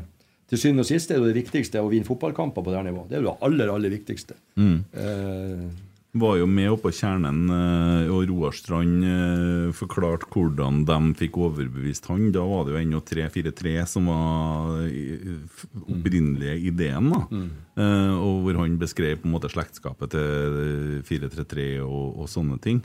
Men veldig interessant å høre hvordan de ønsker å spille, og hvordan man får til å det, høres jo på en måte ut, da. Kanskje med Jaden Nelson så får vi til oss å spille eh, Hva jeg sa eh, 3-4-3. Nei, vi får til å spille 3-4-4. Fordi at den er så rask at den spiller Ja, sånn. tenker jeg flere rom. Det, det, og det er jo litt sånn det 3-5-2 er òg. Vi har jo disse wingbackene der vi på en måte skal være i overtall hele tida. Det krever jo enormt med ressurser fra de to karene på sidene her. da. Ja, og Så krever det òg et annet tenk kanskje i akademiet. For akademiet sin hovedoppgave er jo å lage spillere til A-laget. Så hvordan A-laget spiller og rollekravene til hver enkelt spiller får jo konsekvenser ned i, akademiet til de trenerne som skal utvikle framtidas spillere. Så det, alt det her må jo henge sammen, da, så at ikke A-laget lever sitt eget liv og akademiet sitt liv. da. Men det gjør det nok litt grann nå, for akademiet spiller eh, tre- nei, 4-3-3 nå, no matter what, og det gjør man både på eh, gutter 16 og Eller nå er det jo Jeg vet ikke, men jeg tror nok gutter 15, 17 og 19 kommer til å gjøre det, og RBK2 gjør det. Og det er på en måte det man jobber ut ifra der. Og så, så det, det blir nok litt Ja. Men det sa vel Vikvang noe om når han var her òg, at de er jo liksom opptatt av å utvikle mennesket som eh, en 4-3-3-spiller.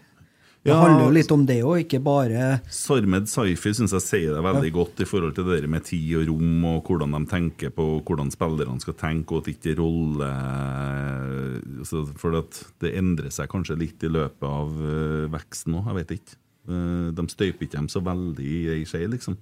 Nei, så tror jeg En ung spiller har jo ikke vondt av å, å, å spille forskjellige formasjoner og forskjellige system. Det vil jo være eh, utviklende. Men før eller senere så må jo det viktigste at A-laget må jo bestemme seg hvordan A-laget skal vinne fotballkamper. Det blir jo hvorfor og hvordan vinner du fotballkamper. Det må jo Kjetil og Geir eh, ha et krystallklart bilde på. og så må jo diskusjonene gå i klubben hvordan det her skal henge sammen, og hvordan det skal jobbes. og om akademiet skal gjøre det samme, skal damelaget gjøre det samme, mm. etc. Et Det er jo en, en diskusjon for til enhver tid sportslig ledelse.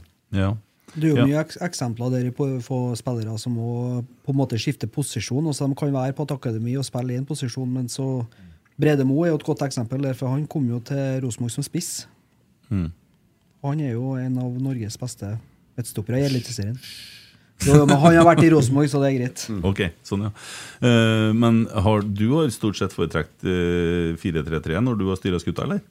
Jeg har spilt litt forskjellig. Det går først og fremst på hvilke spillere du har tilgjengelig. Altså spilletyper.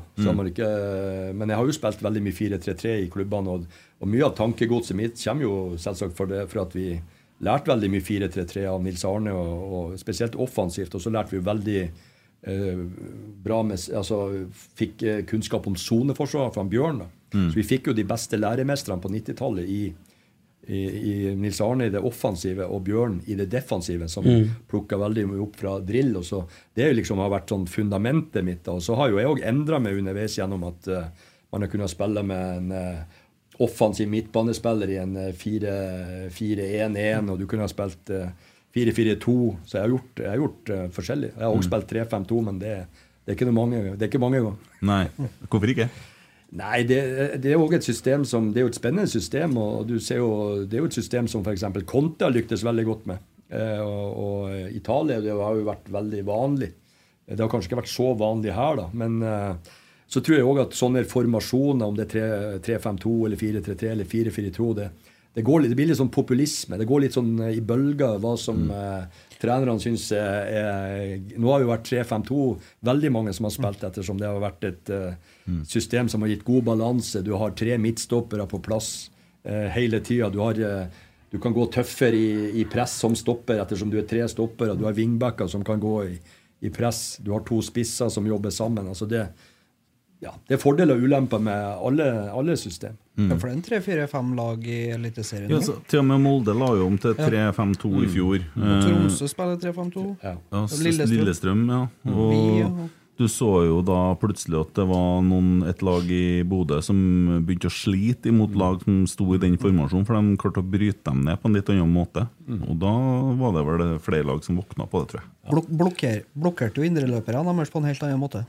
Ja da, men det, altså 3-5-2 har jo blitt spilt i 50 år, liksom, så det er jo ikke noe nytt. Så det går, litt i det går litt i bølger. hvis du ser den, så Det kan du ikke jo ta på det neste program, at du leser dere opp på den taktiske historien, så ser man Jo, for det har du skrevet litt om. For du begynner å snakke om Må ikke tro at det her kom her, for at i 1883 Du, du var tilbake Du må tilbake på 1800-tallet på noen ting. Ja, ja. Ja. Det, er for jeg sier at eh, det er ingen nytt under solen i fotball. Folk Nei. tror det. Men det, det er ofte har ting blitt gjort før. Men Mm. det blir, kommer ofte en ny innpakning. Det er det som er litt av, eh, Mm. av det artige med fotballen. At, eh, at sånne ting skjer i, i bølger og perioder. Så at, nå har det vært 3-5-2 som har vært det.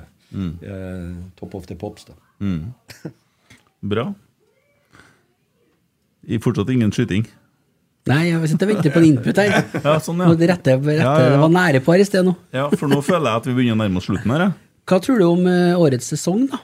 Har du sett noen treningskamper i år, eller har du Jeg har sett én omgang faktisk sist nå med Rosenborg mot Sandefjord. For det var det jeg hadde tida til. ennå. Det, det har jeg sett. Men jeg har ikke sett noen kamper utover det. Og så syns jeg det er vanskelig å sitte og synse uh, hvis du ikke er og ser treninga jevnlig og, og, og snakker med trenerne og, og, og ser kamper over, eh, over tid, så, så kan du aldri liksom konkludere med å se en treningskamp om det er bra eller dårlig. men eh, det vil nok uh, håpe og tro at de, eh, man kan være med og, og blande seg inn der oppe. Og, sånn som det er nå, så er jo Bodø-Glimt og Molde større favoritt til å vinne enn Rosenborg. og Det kan jo passe Rosenborg eh, veldig bra, at de kan slå litt nedenfra Og, og så har de vært litt flinke òg til å ikke snakke om gull sjøl og Mm. snakke seg litt ned. Og, og så har jo Bodø-Glimt og Molde et annet press på seg nå med den eh, økonomi, økonomien de har, og de pengene de har brukt på spillekjøp, og at de faktisk må være der oppe. Så eh, at eh, Rosenborg kommer til å blande seg inn blant de tre, det tror jeg nok at de mm. uh, gjør. Men foreløpig så ser jo Molde sin, sin stall og Bodø-Glimt sin stall eh, bredere ut, og, og, og faktisk at de har uh, mer spisskompetanse i, uh, i uh, flere da, i ulike ledd enn det, mm. det Rosenborg har. Ja, det er sikkert at det er bredde i Bodø, for de har vel 30 spillere i stallen, tror jeg. Så ja, det, der er det bredde, ja. Ja, og For fem år siden så, så var det så vidt de fikk lisens for at de ikke hadde økonomi. Det viser bare hvor fort ting snur, og da hadde de bare unge spillere. Mm. Så, så det ser bare at det må ikke bli historieløs og glemme det som har vært. da. Nei da. Nei, vi får tro at vi står han av. Det tror jeg. Og at eh, ballen ruller Rosenborg sin vei i 2023. Det håper vi. 100 Mm. Og at ikke vi skyter noen. jeg får ikke det. prøv- prøv å spille opp nå. Jeg, jeg får ikke det. Jeg får ikke det. Jeg får ikke det. Altså, du må spille ballen! Perry, skyt! Perry! her skyter deg en dag! Der kom den. Nå kommer jeg på kommando, Ja. Ja, kommer. Det blir ikke like morsomt, da. Nei. Eh, nei, men jeg tror vi er helt på landet. Uh, Jeg skal bare sette ut kjegla, jeg. Ja. skal jeg lande et fly her? Ja, vi skal lande. Ferry, tusen hjertelig takk for at du tok turen inn til Trondheim. Uh, håper å se deg på Lerkendal i 2023. Uh, ta med IF-folkene også. Ta sånn uh, Og Ingalill. Ja, kanskje det. Ja, ja, ja. Eh, nei, men det var en fornøyelse. I like måte. Hyggelig. Ja. Tommy, Emil, tusen takk. Thank you. thank you. Vi snakkes. Hei da!